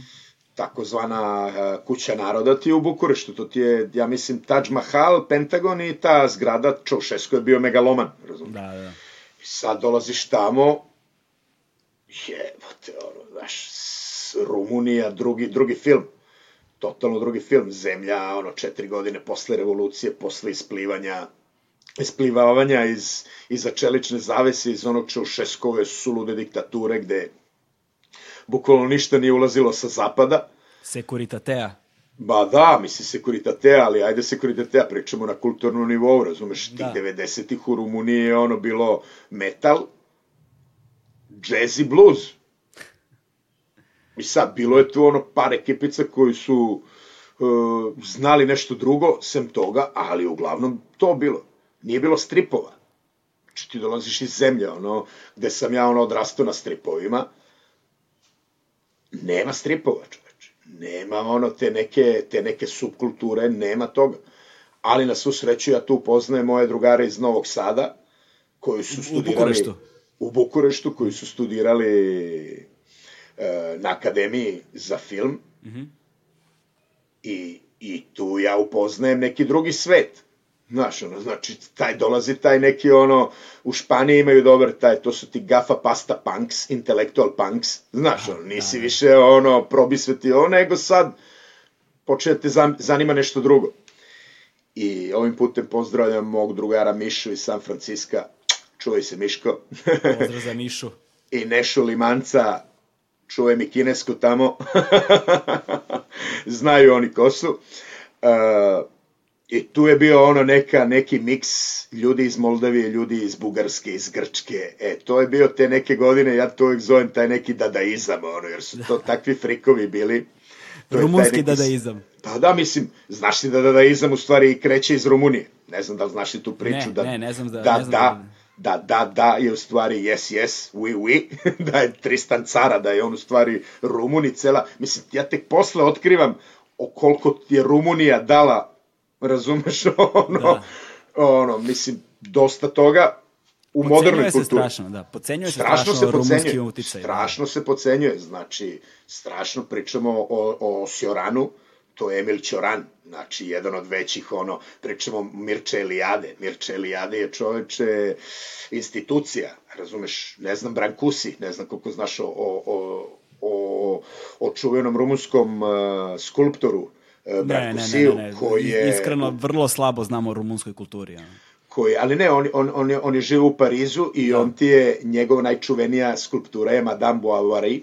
Aha. Ona je to je ona čuvena glava vanzemaljaca iz X-Filesa, ono. da, da. e, Znači, mislim, toliko ima toga u Rumuniji, sada ne, ne zalazimo, razumeš, Eugenio Nesku, Eugenio Nesku, da, Ionescu, ono, da. pevačica i to, mislim, dosta toga stvarno, tako da je ti godina u Bukureštu, ja ulazim u, u taj neki svet, i to je za mene bilo, ja sam to odlepio, to je stvarno bilo... E, čekaj, jesi, jel ti govoriš rumunski jezik? Ja sam rumunski naučio u Bukureštu. A nisi govorio sam, rumunski uopšte da. za, živo, za vreme života u Kladovu i Negotinu? Pa za vreme života u Kladovu nisam, zato što Kladovo, rekao sam ti, to je bio grad koji je bio neka miks dođoša i ovih mm -hmm. i živeti u gradu nisi pričao vlaški, razumeš, vlaški se pričao na selima. Da, Tako, da. Ali ja sam studirao, u, studirao čuje mene, u srednje poljoprivrednu u Negotinu i tamo se, tamo su uglavnom deca sa sela koji išao na poljoprivrednu školu, razumeš, to je da, da. tamo tek bilo ono, svega i svačega tu se pričalo vlaški i mene je to uvek ono strašno nerviralo ja ne razumem šta vi ljudi pričaju, razumeš, evo ti, kako je to moguće? I onda sam ja to ono što kao hvatao, hvatao, ali ne, ne, naučio sam pričam rumunski u, u Rumuniji. I koliko si dugo živeo u Rumuniji? U Rumuniji sam živeo od 2000, od 95. pa do 2003. A znači, ono, duži vremenski period si ti zapravo proveo tamo? Pa da, ja sam diplomirao tamo, ja sam uh, upisao magistraturu i sve to. I pa da, pa devet godina, razumeš, i to su te godine, ono, sad ti zamisli od 18. do 27. To su te godine nekog tvog, ono, razvijanja kao osobe, ne, na svi, ono, fakultet, znaš, tako da sam, da. ja uvek to govorim prijateljima, ono, meni je, recimo, Rumunija mi je mnogo bliža nego Hrvatska i Slovenija i Bosna, da, da, da. jer Znaš, ja sam, ta relacija je bila između Rumunije i Srbije, Rumunija-Srbija.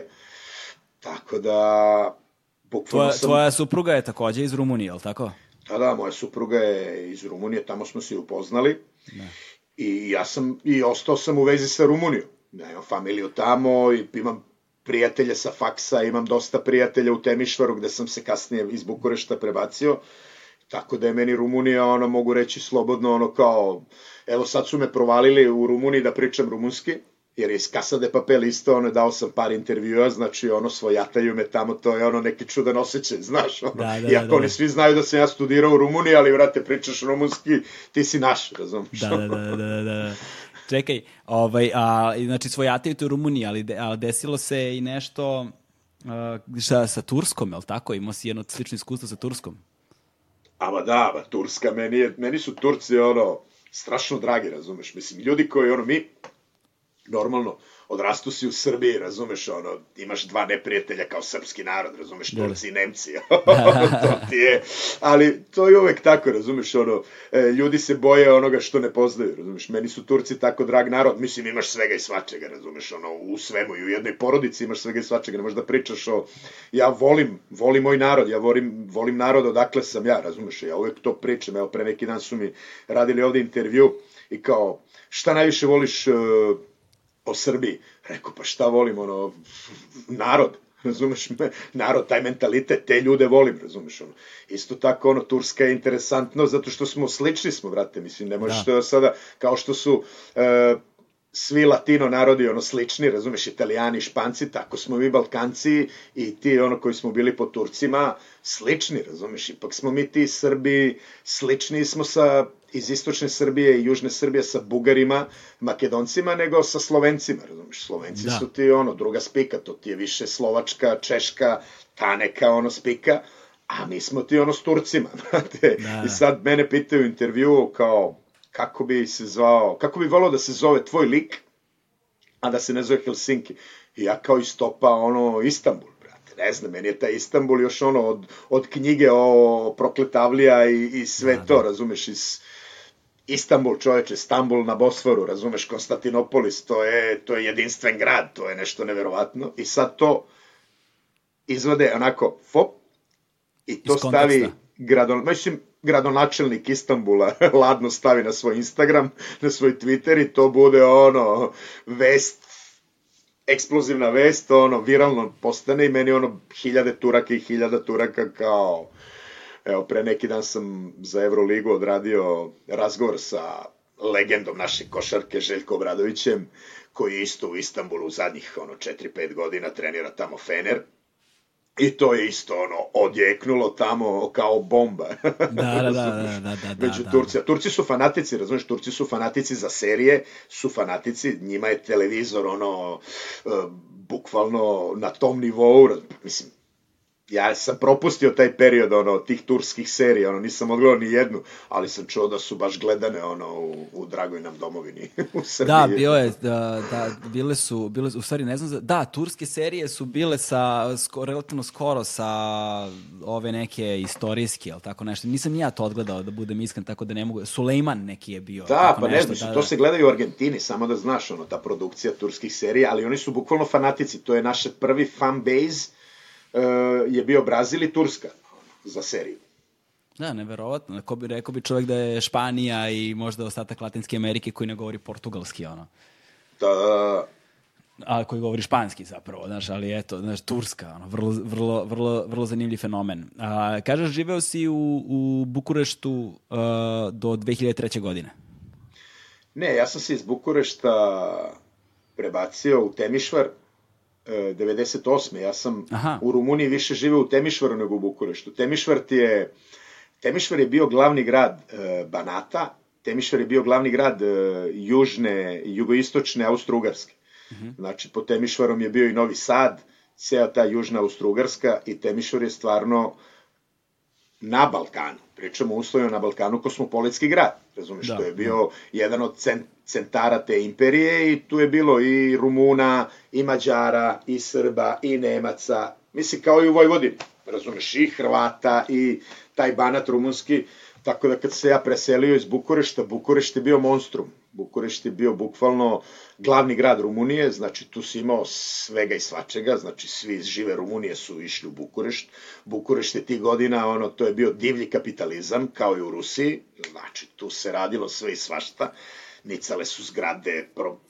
ritam frenetični, udaljeno sve, prepuno ljudi, znači ja kad se vratio u Temišvar, Temišvar je bilo neka oaza, ono, sve je bilo lagano, to je kao recimo, da, aj sad da poredimo Beograd i Novi Sad, Da, da, da. u nekoj, m- u nekoj mojoj ono ili tvojoj nekoj idiličnoj, misli sad je, ne možemo sad da poredimo to jer se to totalno promenilo, Da. ali recimo, tih Recimo- davnih godina kad je Novi Sad bio ono, ok, laganica, znaš, a Beograd je bio, ajde 80-ih, znaš, ono, iz tog živog Beograda, odiš u Novi Sad gde je sve mirnije i akcenat je drugačiji, i ljudi su ono, ti Vojvođani i u Rumuniji i u, i u Srbiji su mnogo usporeniji, mnogo, i isto je, isto je veoma interesantno, lokal patriote su neverovatne i novosađani i ovi, i, i iz Temišvara ljudi, ono. To su Da. taj lokal patriotizam i ono baš, uh, Za nas je ono, ja, moja, moja sećanja su u suštini da je Rumunija Temišvar prvenstveno su bili ono jedan od glavnih tačaka za šverc ono 90. godina kada smo bili pod totalnim sankcijama ono i benzin se dovlačio od, od, od Ande i gomila stvari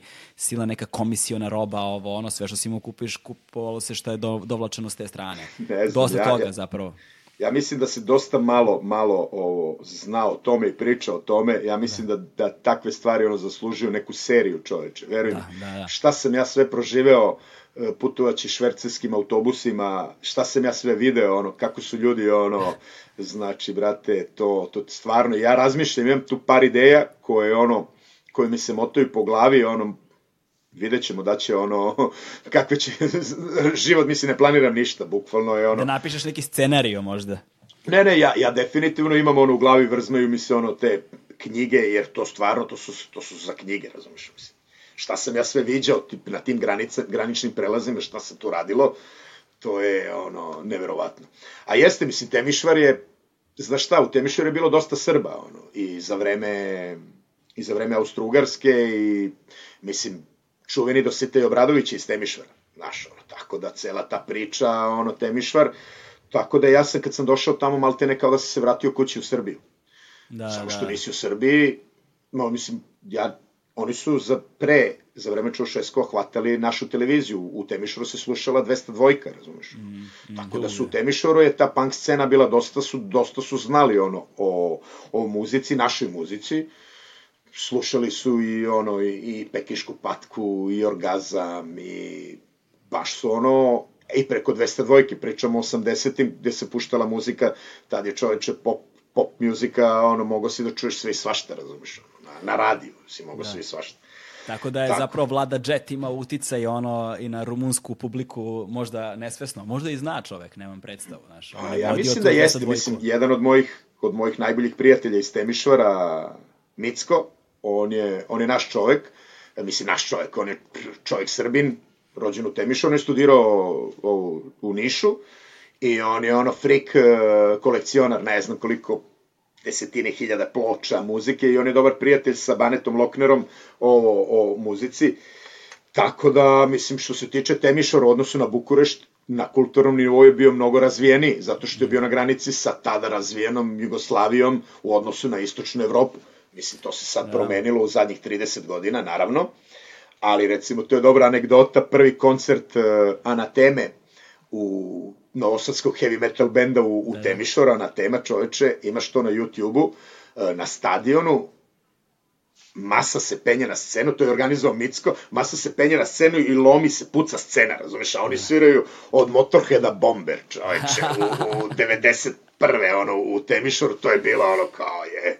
Mislim, to je, to je interesantno u tim, ja sam to doživeo, doživeo sam da vidiš ono, kad, kad izranjaš iz totalne ono e, totalnog mraka, totalno, i odjednom ti taj kapitalizam nudi. Posle sam to doživeo u, u Berlinu, posle to doživeo u Berlinu, mislim nisam doživeo, video da. sam kako je to funkcionisalo, taj čuveni zapadni Berlin, da je u to stvari bio izlog istočnoj, istočnom bloku, razumeš, da su tu on, ali to je bila oaza, razumeš. Da, da, da, da, zanimljiv je taj, vidiš, zanimljiva je ta, ta, ta formulacija da je uh, zapadni Berlin bio izlog istočnom bloku. Znaš. Pa jeste, čoveče, tako je Rumunija, recimo u Rumuniji ti si mogao da odneseš, mislim ja nisam, to, je, to, je, to su već 90. ali ja znam te priče tih 80-ih, šverceri, ti naši ti odneseš ono, prodaš farmerke u Rumuniji koji si kupio, ili to je ono neka priča trst, znaš da, ono. Da, da, da, da, da. E, sad ti odneseš te farmerke u Rumuniji, ono koje ono nigde bio, nije bilo farmerka, razumeš, to ti samo ono deca, lo, ove, deca partije imaju kintu za to i s tim farmerkama platiš stan pola godine. Da. Sad odneseš tri para i ti si bog, razumeš? Čoveče, nije bilo žvaka, nije bilo, e tako isto bilo u istočnom Berlinu, razumeš? Da. Imaš dobar dokumentarac na YouTube o, o, o liku iz Srbije koji je ono ist, sa jugoslovenskim pasošem putovo iz istočne Nemačke u zapadnu Nemačku, ne znam da si čuo za to. To je ne, fenomenalna nisam. priča, oni su bili kraljevi, razumeš? On je švercovao, znači njega je ono ubio ta unifikacija Nemačke 90-ih. A šta, moglo je sa jugoslovenskim pasošem u to vreme da se prelazi ta granica?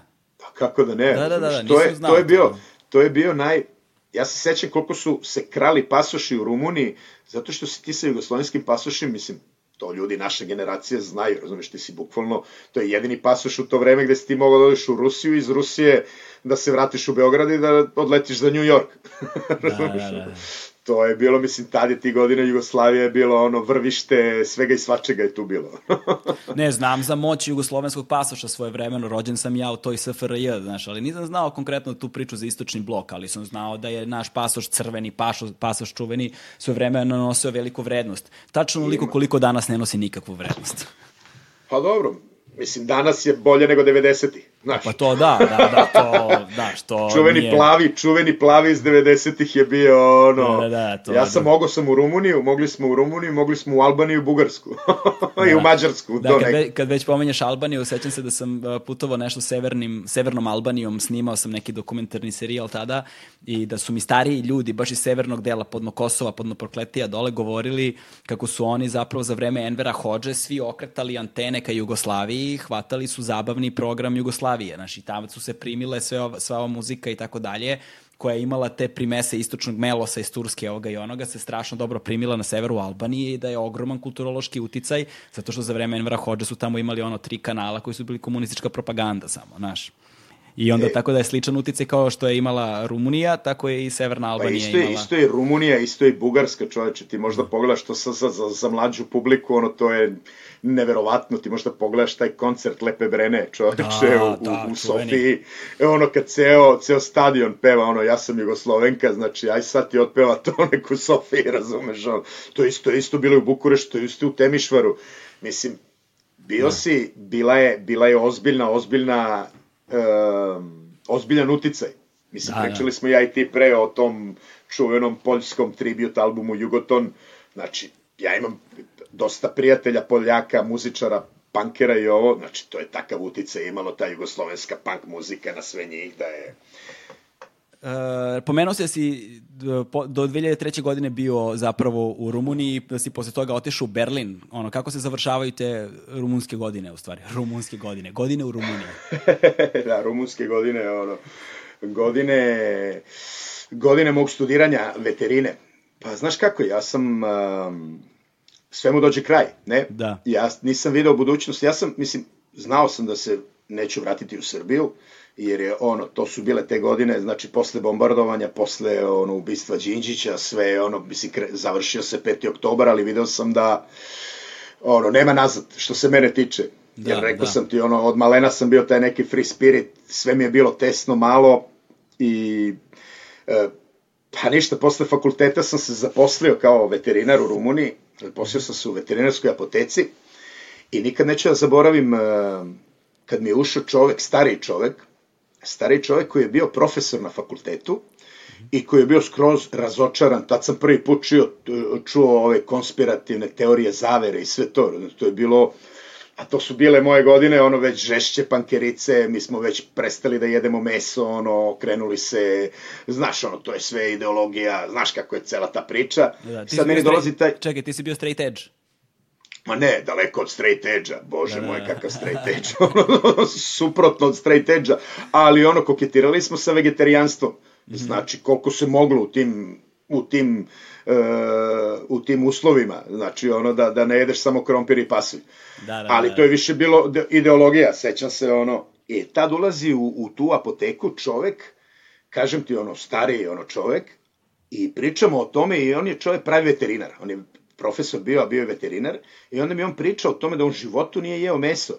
On je bio uh, lakto ovo vegetarijan, znači jeo je mleko i onda mi je pričao neke neverovatne priče, ono, ali sećam se da mi je izrecitovao pesmu Krava od Jesenjina. E, on je to tako izrecitovao, ono, bukvalno sa suzama u očima, to je ono meni bilo, e to je bio, jer ja sam se malo razočarao u, u veterinu i u veterinare, zato što ti ne možeš kao, kao što sam razočaran u, u, u lekare i u celu ovu farmakoindustriju, razumeš, jer je da, profit da, da. iznad ljudi, tako da razočarao sam se malo, u, ne malo, nego malo više, i onda sam upoznao takvog čoveka, mislim, postoje nisu, nažalost, velika većina, ali postoje i veterinari i lekari koji ono prvo gledaju pacijenta, a tek posle profit, ali oni su, nažalost, u da. manjini. Da.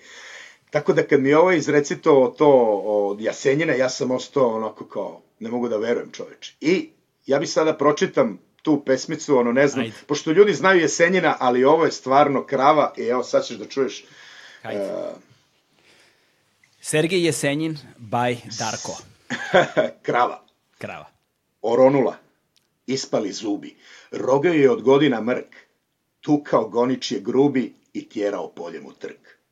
Ne mari srce za buku. Miš grebe u kutu svom. Žalosne mislije vuku za šarenim teletom.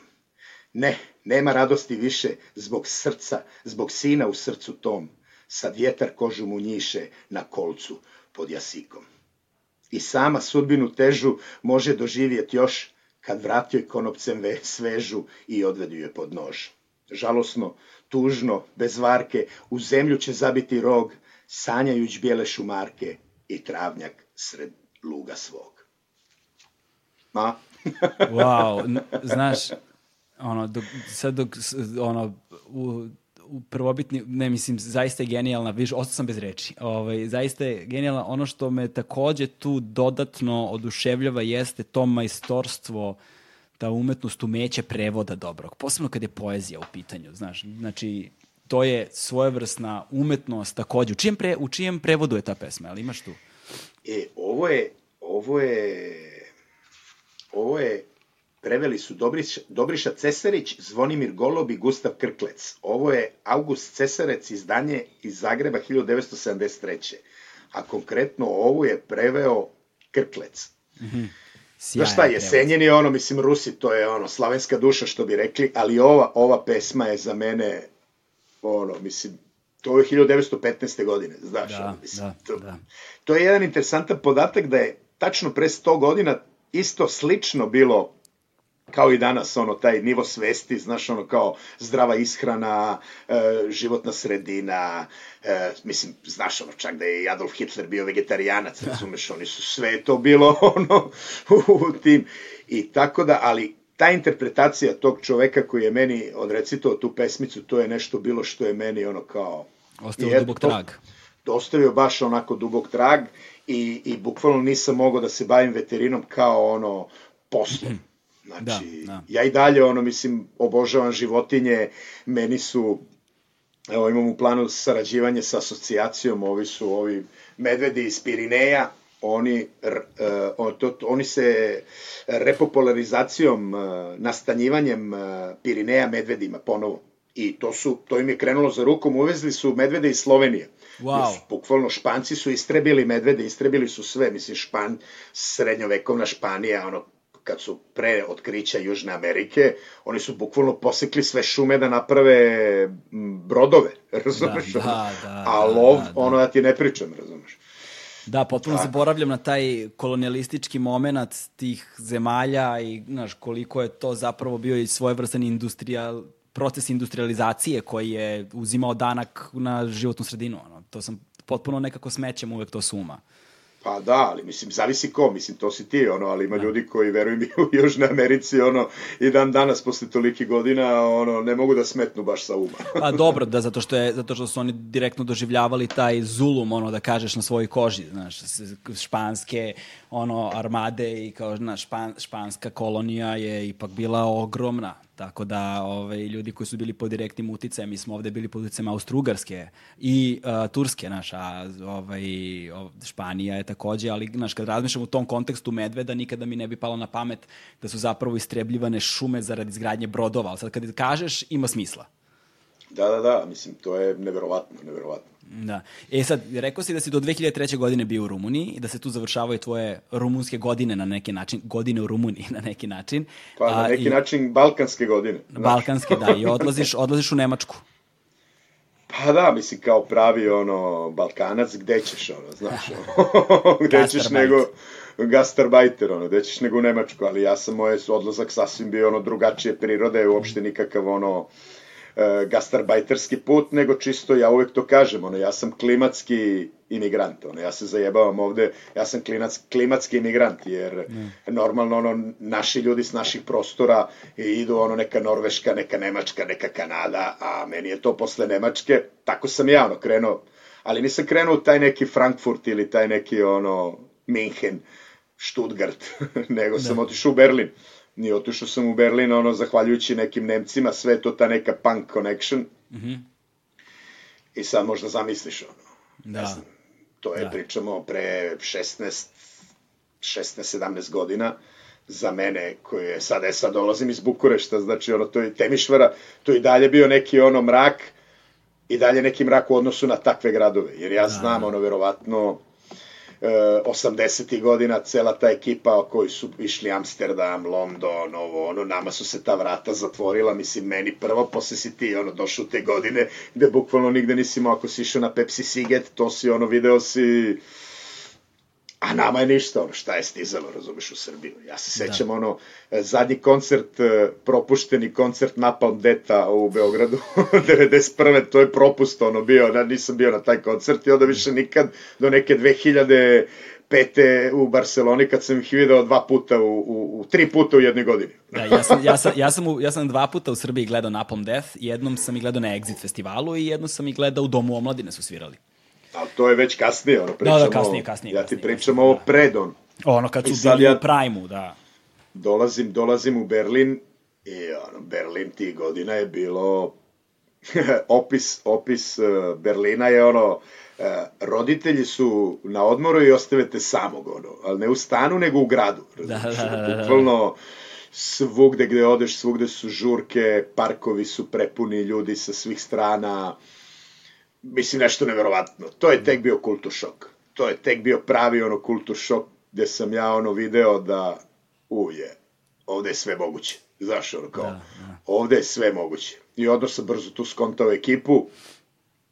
Tu se moja ljubav prema performansima, pozorištu, filmu, ono, izašla na to neko videlo, mislim, to je sve bio totalni underground, razumiješ, da, to su da. bili, sni, e, snimali su se filmovi, eto, recimo, nisam pomenuo, uh, malo pre, ono, dok smo pričali na akademiji u Bukureštu, da sam ja tu u stvari provalio Makaveva, da sam provalio uh, da. Žiku Pavlovića, ceo taj crni talas, ono, ta neka kinematografija koja je bila, ono, mogla se poredi bukvalno uh, sa tom nekim francuskim uh, novel vagom, cela ta, razumeš, mislim, taj film, ti francuski filmovi koji su inspirisali ove naše, ali ipak pak ovi naši su im davali tu neku dozu uh, Tako da sve to naš, e, takve smo ono kratkometražne filmove ono počeli u Berlinu da snimamo nešto surrealizam totalni. Mislim, svi smo se mi palili na Bunjuela, mislim, svi pričam da. na akademiji ti ljudi, ono, taj andaluzijski pas i sve to je, to je bilo, iako je to snimljeno 100 godina pre. Da, da, da. da, da. ali ti neki kratkometražni filmovi koji smo radili u Berlinu, to je baš bilo onako s ljudima, s nekim Amerikancima, nekim Francuzima, ludacima, pa nekim Nemcima, ono stare hipici iz Berlina, Mislim, to je bio neki amalgam svega i svačega, razumeš, veruj da. to je u meni ono, ok, sad je sve moguće, razumeš, ono, bukvalno kad te nekako puste, znači završio si, bukvalno se nekako, ok, diplomirao sam, sad sam doktor, Znači, on da, imam da, da. diplomu da sam doktor, evo sad ja to sad fino skidam beli mantil, stavljam sve u neku fioku i ono, ok, tad sam ono istetovirao ruke ovde i rekao sam, ok, sada, sad, sad znam da ću da živim onako kako ja hoću da živim, ono, po mojim pravilima. To sam tad, u Berlinu sam to skontao da, da, ok. Koliko si godina imao tada? Pa znaš šta, ja sam... Uh, veterinarski fakultet je dosta dug, je, šest godine fakultet, onda sam ja uh, uh, upisao magistraturu, uh, 20, 18, 27, 26, 27 godina sam imao. To je ta čuvena 27. godina, godina preloma. Pa, znaš kako, mislim, to je, ništa nije slučajno, razumiješ? Da. Ne znam, ja da sam, najverovatnije, ja pričam ovim mojim prijateljima odavde, iz Barcelone, iz Nemačke, Francuske, Italije, rekao, ljudi, da sam ja u 18. bio ovde, verovatno ne bi sad bio i pričao s tobom, razumiješ, da, da. jer si imao svega i svačega e, i, i bili, ono, te lude godine koje sam ja u Rumuniji, ono, te kaljenje i to, sva sreća, sad sam zahvalan na svemu tome, razumiješ, ceo da. taj neki put. Inače da sam ja ono sa 18 bio u Berlinu, bože moj, znaš ti šta je to ono? Da, da. Mnogo to je ona to je ona mašina sa početka priče. Odbojnica. Da, da, da. Da, da, da, da, sve to, sve to stoji. Tako da je Berlin, kažem ti, bio veliki kultur šok, tu sam video te performanse, znači koji su, koji su ti godina, ja sam u Temišvaru, u Temišvaru sam, smo visili u pozorištu, znači pozorište je bilo, prijatelji su onoj predstave radili, visili smo u pozorištu, video sam brdo predstava pozorišnih i svega toga, ne samo klasično, nego i, i, i moderno pozorište, ali prijatelju moj, kad ti vidiš performanse, to je već druga priča, razumeš, festival da, da. performansa koji su organizovali neki letonci, sećam se, to je bio putujući cirkus, čoveče, to je bilo, uh, hardcore, u pravom smislu reči, razumeš, i to je meni ono otvorilo ovako, razumeš, ono, horizonte. Da, performans je vrlo specifična forma, ono, umetnička koja je ona uvek kontroverzno nekako dočekivana. Jedna strana oduševljena, druga strana je dočekuje na nož, ali nekako ja sam isto uvek voleo taj performans, znaš. I kod nas ga je bilo dosta, ono, mislim, Marina Abramović kao kruna, vel te, vrhunac, ono, performansa prvenstveno, ovaj, ali unazad i čak undergroundu kad gledamo, imamo, imali smo i u Beogradu Johnny Rackovića, bio je pre rata, jel te, ovaj, Satan Panonski, čuveni i tako dalje, znaš. Ma da, sad, sad, sad, ne znam koliko, sad, sad ne znam koliko je ta priroda performansa bila drugačija u Temišvaru koji si gledao u odnosu na ovu našu je. Čak, čak i pre toga, pre, mislim, Marina Abramović, ona je čuveni ovaj zagrebački performer čoveče, Tomislav... Gotovac. Tomislav Gotovac čoveče, e da. Tomislav Gotovac, on je fenomen. Ja ne znam da li je to on, onaj film, da li je to onom filmu Plastični Isus, da li se on pojavlja u tom filmu, čoveče. Ne znam da si čuo za taj zaista, film. Zaista ne bih znao, ne, ne, ne znam, ne znam.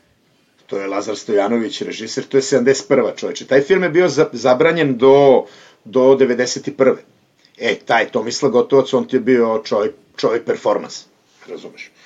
E, ali dobro, mislim, to je bilo, uvek je taj performans bio u, u, u uskim tim umetničkim krugovima. Nikad to nije bio neki mainstream. Razumeš, jedini mainstream je ono Marina Abramović, da, ali da. kad je već postalo ono, mislim, što je sada, mislim. Ja znaš kako, e, jesam i dalje imam taj neki ono pankerski duh, ali više ne mogu ono da ne mogu da sudim ljudi jer svi imamo neki neki put naš, svako ima neki ono uh, nalazi neki smisao u nečemu što ja mm, ne moram da se slažem, razumeš, ali u svako ima svoje, razumeš, recimo, da, ja da. sam sad uh, pričamo, pričamo sad o čemu pričamo i sad odjednom, evo da se vratimo sad u sadašnje vreme, ja sam jedna veoma ono popularna javna ličnost koja radi za Netflix. Misliš šta je Netflix? Znaš. Da. Tako da svako ima neki svoj ono uh, ali eto recimo ti performansi to je meni ono dalo takav takav to je bio takav stimulans da je to bilo nešto neverovatno. I, uh, dakle, te, te performanse si posmatrao zapravo u Temišvaru, ali ti nisi aktivno glumio i učestvo, bavio se svojim ovim današnjim pozivom dok, za, za vreme tih godina u Rumuniji. Nego si ih zapravo Sam, otkrio ponovo u, u Berlinu. Pa znaš kako, u Bukureštu sam sa, sa ovim drugarima sa akademije radili smo ono kratkometražne filmove. A radili ste u Bukureštu da, da, isto? Da, Aha. pa da, pa da uvek je to nečega bilo i u Temišvaru uvek je bilo ono tih koncerata i tih predstava, uvek si ti bio tu, ono, da. visio si, nisam, nisam se, jer sam imao druga posla. Da, ono, ta pankerska posla, što bi rekli, ono, znaš, tableja i to, ono, e, konzument. Da, znači, da. ono, da, to je, to je taj problem u tim svim, recimo i u Berlinu i sada u Barceloni i ja imam to neku teoriju, znači da ti konzumenti koji dođu i, i odjednom nestanu ovi koji su kreirali to, razumeš? Da, da, da. Nestanu, stope se, a ovi konzumenti, oni bi samo da konzumiraju, jer je tako kon, konzumersko društvo, razumeš? Ja sam iz tog konzumenta prešao kad sam došao u Berlin, prešao sam u te ono kreativne ljude koji su, mislim, uvek si imao tu dozu kreativnosti, Mislim, znam da znaš o čemu pričam, da, da, da, da. ali si uvek kao nešto te, ajde, to će neko drugi, to, taj mentalitet, znaš. Dok se to u Berlinu, ono, kad sam vidio, pa to može, mogu i ja, ono, znaš, imao da. si, jer to je ono što sam ja objašnjavao uh, ljudima tamo, e, ti ne možeš, ono, ti možeš, uh, ako si stambeno obezbeđen, ako imaš, ono, neku potporu, ok, ti možeš da se baviš umetnošću, A ako ne, ono, brate, ti ćeš da, da bukvalno na kori leba da živiš u Rumuniji, u Srbiji. Da, da. Dok da. tamo ti si mogao da radiš za vikend u nekom baru i da zaradiš 150 evrića i ono, mogo si samo za vikend da radiš, razumeš? A ovo ostalo da ti posvetiš vreme, e, tako da sam imao tu sreću da sam mogao da posvetim vreme sebi. I tu sam se vratio na moju staru ljubav, crtanje, preko tetovaža. E, Tako da. da sam ja godinama, znaš imaš ta, ta priča, ono, kad odeš u Hollywood, kad odeš u Los Angeles, ono da je, ono, odeš u restoran, ono, konobari su glumci, kuvari su scenaristi, znaš, ono. Da, postoji taj stereotip jak, da. To je taj stereotip i to je to uvek ta priča, ono, backup job, znači, to u, u glumci, ono, to je taj backup job, uvek moraš nešto taj plan B. Meni je backup job bio o, još jedan od mojih hobija. Da, znači, da E, te, tetovaže, ja to nisam shvatao nikad kao posao, kao oni što glumu ne shvatam kao posao, razumeš? Meni je posao, evo sada me pošelješ da idem tamo, ne znam, da sedim u kancelariji, da u najboljem slučaju, u najgorem slučaju da vozim kamione, razumeš? Da, da, da, da. da. To mi je posao. Da, da, da. A, a tetovaža mi je bila ono još jedan vid zajebancije koji se tih godina, pričamo opet pre 15 godina, kad sam se već doselio ovde u Barcelonu, kad sam počeo da radim, da se bavim time, da zarađujem za život time, dosta se dobro zarađivalo. Aha, znači ti si zapravo uh, razvio uh, taj zanat, da kažem, odnosno umetnost uh, tetoviranja u Berlinu, tih godina u Berlinu zapravo. Koliko si dugo bio u Berlinu? Pa znaš šta, u Berlinu sam, nisam ja nešto mnogo dugo proveo, to je bilo možda do godinu dana, aha, aha. do godinu dana u Berlinu, ali veruj mi, to je bilo tako intenzivno da se meni čini da sam ja, ono, znaš, živeo dosta duže tamo, jer je stvarno grad je, grad je kao prvo ravan, Znači, biciklo možeš svuda. Ja sam veliki ljubitelj bajsa, ono, svugde idem bajsom, čak i u Barceloni, ono, godinama već koristim bajs. E, tako da si, ono, znaš, grad je ravan, u Berlinu, ono, tamo se ljudi, kao i u Njujorku, mislim, ono, ili si u, kad si u Bronxu, sediš u Bronxu, razumeš, ono, tako je, kad si u Kreuzbergu, sediš u Kreuzbergu, ono, eventualno odeš do Friedrichshaina, odeš Neukölln, da. i ne ideš dalje, ono, razumeš, odeš možda tamo Prenzlauberg i to je ono druga strana, ali to je to, uglavnom si u kvartu. Zato što nisi imao potrebu da ideš negde dalje. Pa nemaš, ono, kad, kad, kad ti uđeš u jedan kvart, tu si, ono, pogotovo taj, znaš kako je, ono, mislim, uh, ti delovi grada, ono, Kreuzberg, ono, ja sam iz Kreuzberga, ponosi se time, tu živim i tu radim, ono, šta ću drugi deo grada, Jer da, da, da. to su dovoljno velike delovi grada da, da ti, ono, sasvim dovoljno. Ali nama je bilo to interesantno, razumeš, ono, pogotovo na bicikli, ono, čoveče, ti odeš, ono, e, kruzuješ gradom, ono, s jedne strane na drugo, a, a svega 24 sata dnevno ima dešavanja, razumeš, koncerti, e, non stop, šta god hoćeš, razumeš. Čekaj, ti govoriš nemački? Pa to je ono, to je nemački, bukvalno u Berlinu ti ne treba nemački.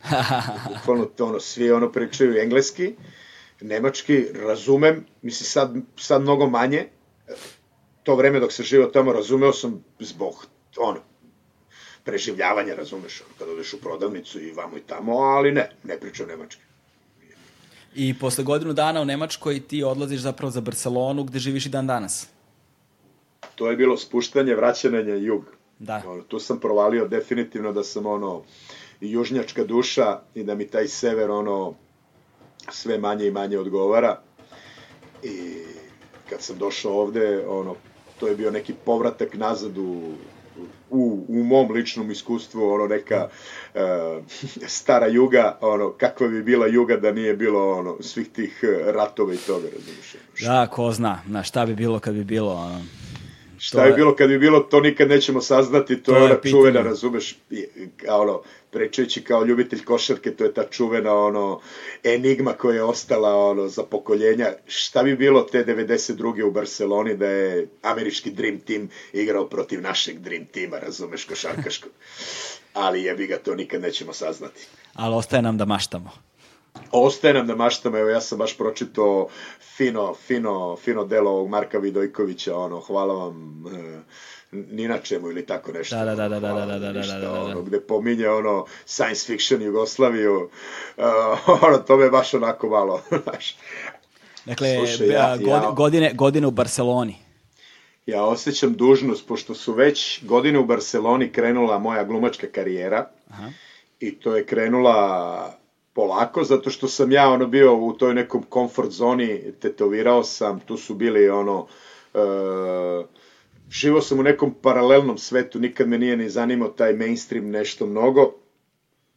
I onda moram da, kad već pričamo o glumi, ne mogu, a da ti ne pročitam uh, odlomak uh, iz knjige mog omiljenog glumca, razumeš, ono, ja uvek kad ljudima kažem kao koji su tvoji uzori, ono, glumi, reko, pa, znaš kako, ja imam, uh, kao ja mislim i svi, ono, glumci te neke generacije, uh, e, odrastala si, gledao si Kuma, gledao si e, Apokalips Now, tu je Marlon Brando, razumeš, ono, neosporni Marlon Brando, a za sve nas sa teritorije ono bivše Jugoslavije, ja mislim da je ovaj čovek ono samo pokažeš ovu sliku, to je Pavle Vujisić, ono ti ne vidiš sada, ali znači meni je to legenda, razumeš, jer tu ću se sad posle ovoga ću se nadovezati na moj lik ono u seriji i ceo taj ali ovo moram ti pročitam zato što je ova knjiga, posle Fajronta knjiga o Paji koju je napisao Aleksandar Đuričić i ovaj deo počinje ovako, znači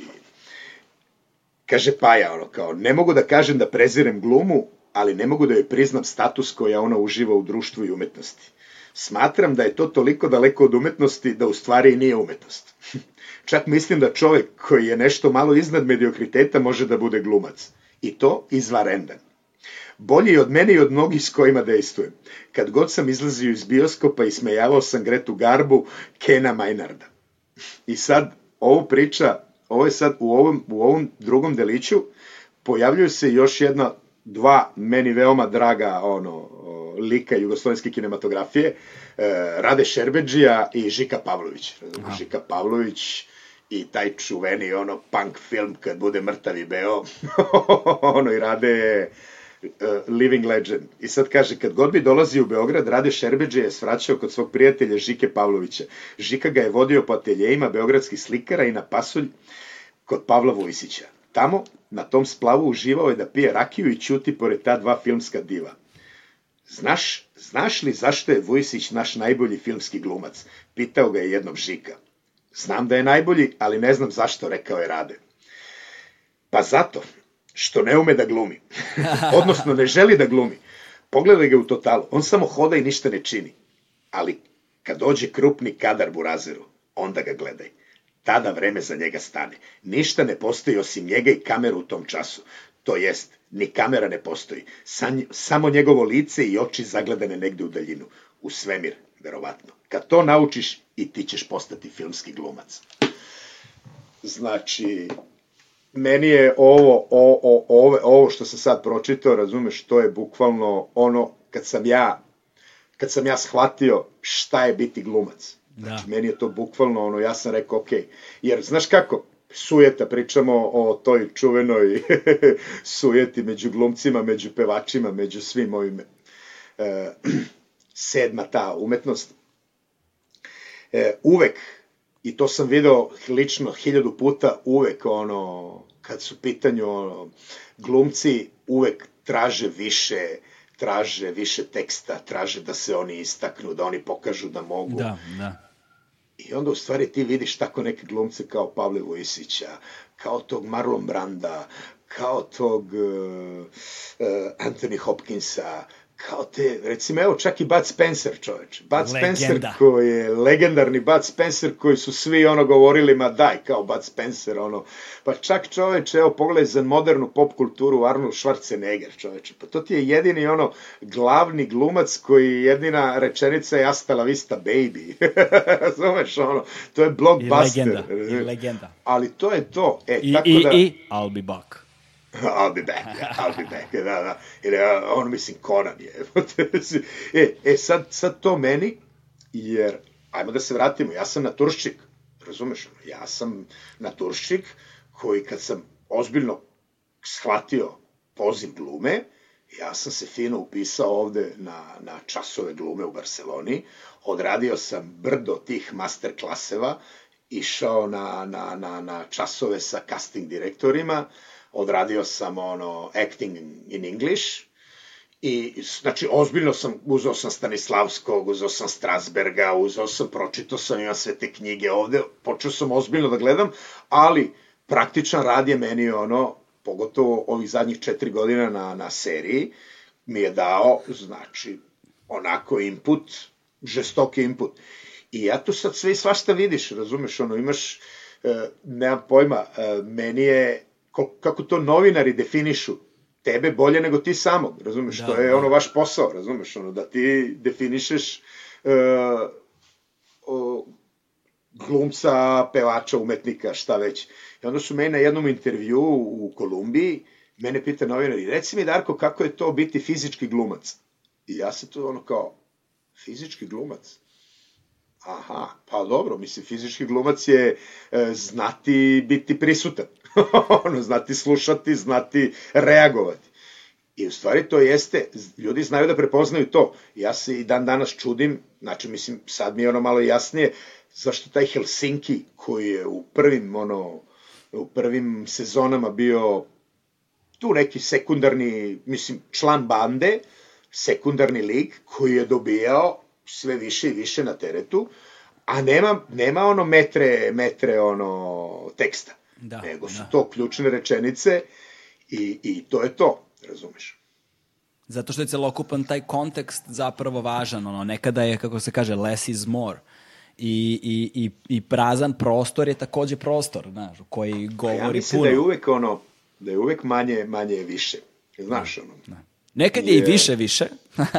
nekad je i više više, sad zavisi šta, da, da, da, da, da, o čemu pričamo. Ali, ja ali razumem šta hoćeš da kažeš. Da, da ali, uvek, ali nekako pričamo o toj, o toj umetnosti, o tom ne znam, meni su recimo uvek te kratke pesmice mnogo, evo kao recimo Jasenjinova, pa te to gurne, brate, pa ti sad razmišljaj i o tom šarenom teletu i o toj kravi sa mrkim rogom.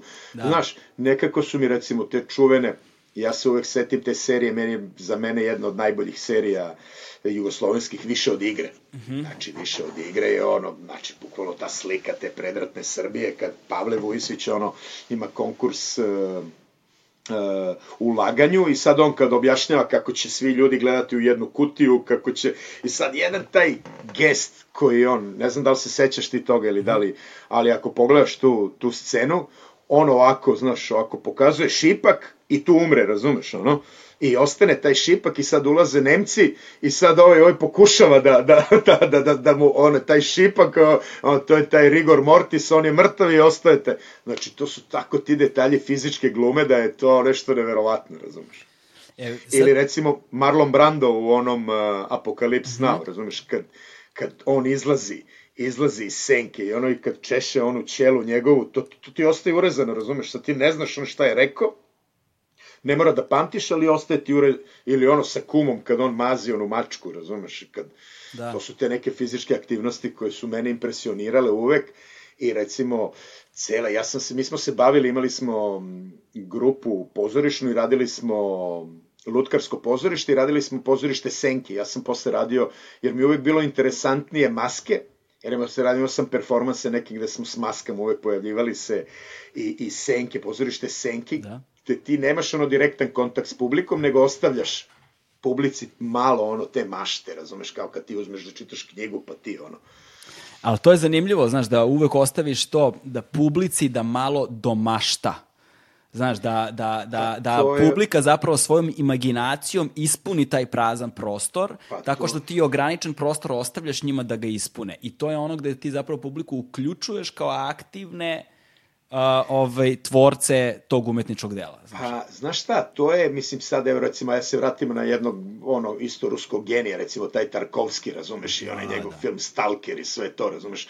Sad, ajde pustiti nekom, ono, millennialsu, klincu, taj Stalker, znaš, samo taj uvod, on će da ti ga ono, br, br, br, na fast forward da ti ga, znači ne može, to se izgubilo, ne može više, recimo sad kao pozorište, sad ti odeš u pozorište, to je više ono underground, pozorište je underground, hteo ili ne, nije više mainstream, ono. Da. Isto će tako i filmovi da budu. Sada su serije, sad se prave nove platforme gde su serije, gde su epizode od 10 minuta. Ovo je konzumerizam, ali ovo je ok na sreću zato što dolazi do kraja, ovo više pre, pre, prevazilazi sve ono. Sada, ja sam recimo imam, sarađivao sam sa prijateljom italijanom koji živi u Kini mm -hmm. i napravili smo, ja sam radio voice over, uh, VR, virtualna realnost. Znači on je napravio je uh, kratkometražni film zato što tehnologija ne dozvoljava za sada ovo, da se da, da prave da, da. epizode vi duže od 20 minuta i bili smo u Kanu, on je u Kanu recimo na festivalu, oni imaju taj odeak, e, taj deo koji je posvećan VR-u,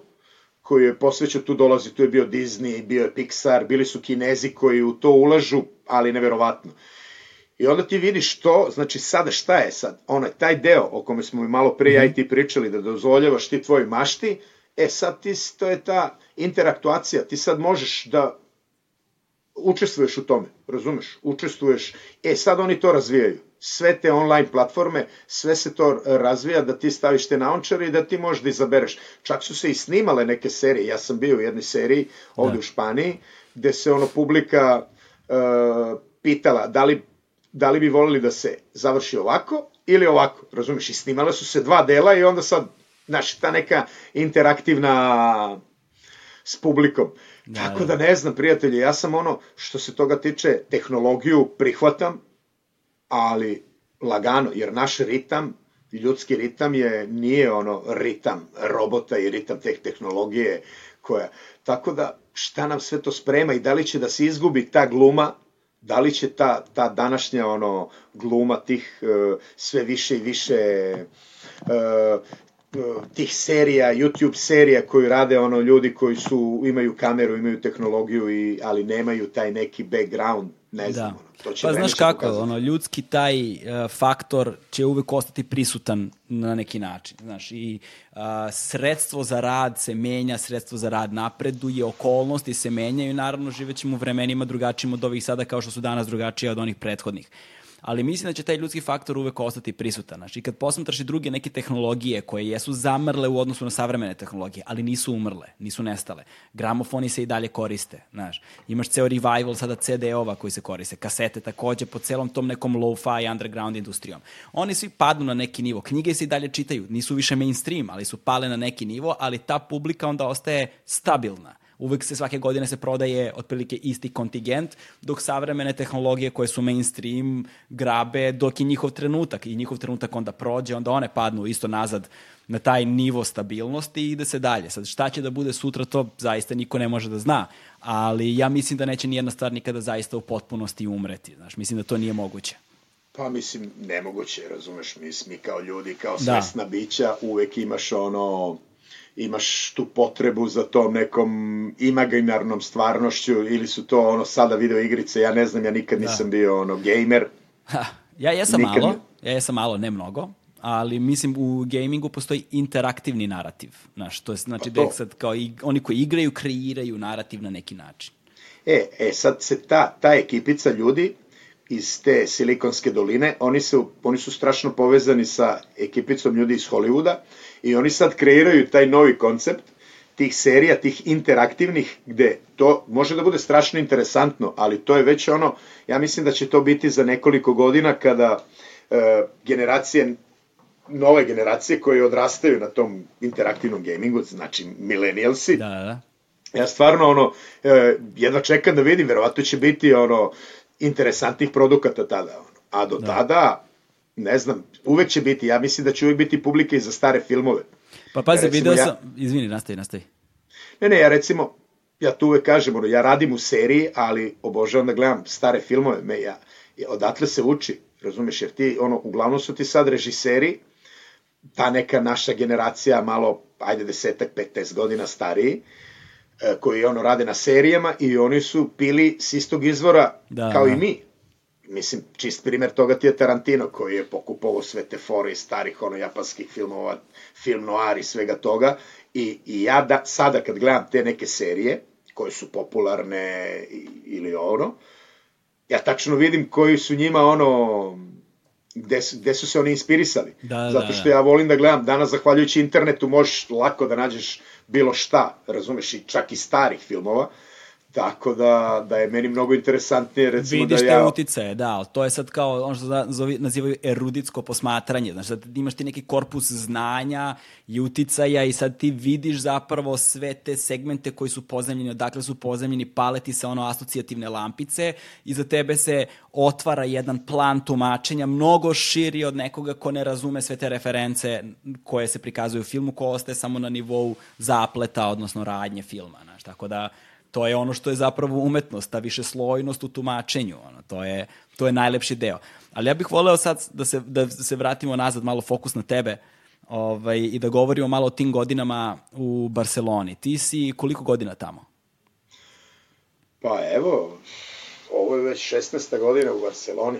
E, i ovaj, Casa de Papel, La Casa de Papel, odnosno Money Heist je definitivno serija koja te je proslavila. Ali kažeš i sam da si odlazio na te kurseve uh, glume, glume na engleskom jeziku, da si išao na te sastanke sa tim casting dire direktorima i to da su si, bile radionice, radionice, to su bili workshopovi, da. Da, da, da. I, ovaj, I da si zapravo, da je tvoja glumačka karijera tada počela da uzima maha. I ovaj, koja su bila neka tvoja ta prva iskustva malo ozbiljnija u svetu glume pre nego što je usledila serija koja te je proslavila? Pa, jedno ozbiljnije, ja sam krenuo kao prvo, ja sam u Barceloni, glavni grad Španije je Madrid, ko što svi znate, i Madrid kao i svi glavni gradovi je glavni grad, razumeš, da. mislim, e, glavni grad, ne u tom smislu, recimo, što ja znam u Americi, Washington je glavni grad, a glavni grad filmske industrije je Los Angeles, ne. Kad pričaš u Evropi, recimo u Parizu, sve se, u Francuskoj se sve dešava u Parizu, imaš ono par filmova koji su se snimili u Marseju, ali uglavnom, e, tako ti je isto u Španiji, razumiješ, mislim, tako ti je u, u većini evropskih, ono... Prestonica. E, prestonica. E, u Španiji je bukvalno cela ta televizijska industrija, sve to je u Madridu u Barceloni se snimalo snimalo se i snimalo se filmova, snimaju se i dalje i serije i filmovi, ali pošto je Barcelona deo Katalunije, Katalonije, Katalonije, u stvari na srpskom, ja. e, ovde se priča katalonski. Tako da, meni to nije problem, zato što je katalonski dosta sličan i italijanskom i rumunskom. Ja sad, ko, ko je, izvini što te prekidam, ali ja, ja ne znam razliku tačno između katalonskog ono, i španskog, koje je, mislim, to je pa, španski pa, recimo, isto. da ti tako. prevedem, da ti prevedem, to je bilo nešto kao uh, slovenački i srpski. Aha, znači toliko velika razlika. Pa velika je razlika, znači nije kao bugarski, makedonski i srpski, da, da. to bi bilo recimo bugarski, makedonski i srpski, to bi bilo recimo neki Portugal, portugalski i španski, a ovo ti je ono slovenački i španski. Ja sam skonto koliko ja ono ne znam slovenački kad sam ono, s, s drugarima iz, iz kad sam bio u Ljubljani, ono kad sam prvi da, put da. bio u Ljubljani, kad sam video da u ono I, I tako da je ovde filmska industrija, ako se snima, snima se na španskom, a televizija je sve na katalonskom. Ja sam da. prvi početci ovde moji e, te 2008. 2007. su na katalonskoj televiziji u Barceloni. Tu sam dobio uloge mahom ono bajkera, nekog e, kriminalca zbog izgleda, nisu to bile, to su bile ono maltene statista e, sa dve, tri rečenice. Da, da, da. Razumeš. E, to ono, kao što sam ti rekao, Barcelona je, nije, nije prestonica, mislim, jeste prestonica Katalonije i da. tu se priča katalonski, tako da neminovno je ako hoćeš da u Španiji, ono, da, da postigneš nešto, da, da, da se spustiš u Madrid. Da. I to se meni desilo 2010. godine, kada sam glumio, to je ono prva ozbiljnija uloga bila, mislim ozbiljnija, pojavio sam se isto ono epizodno, dve epizode po minut dva, znači to ti je ono bilo u tim vremenima je bilo ho, ho, ho, ho. I to ti je ono dva dana snimanja, razumeš? Da, da, da. To Krematorio se zvao film, e, zvala serija, to je Kanal Plus radio.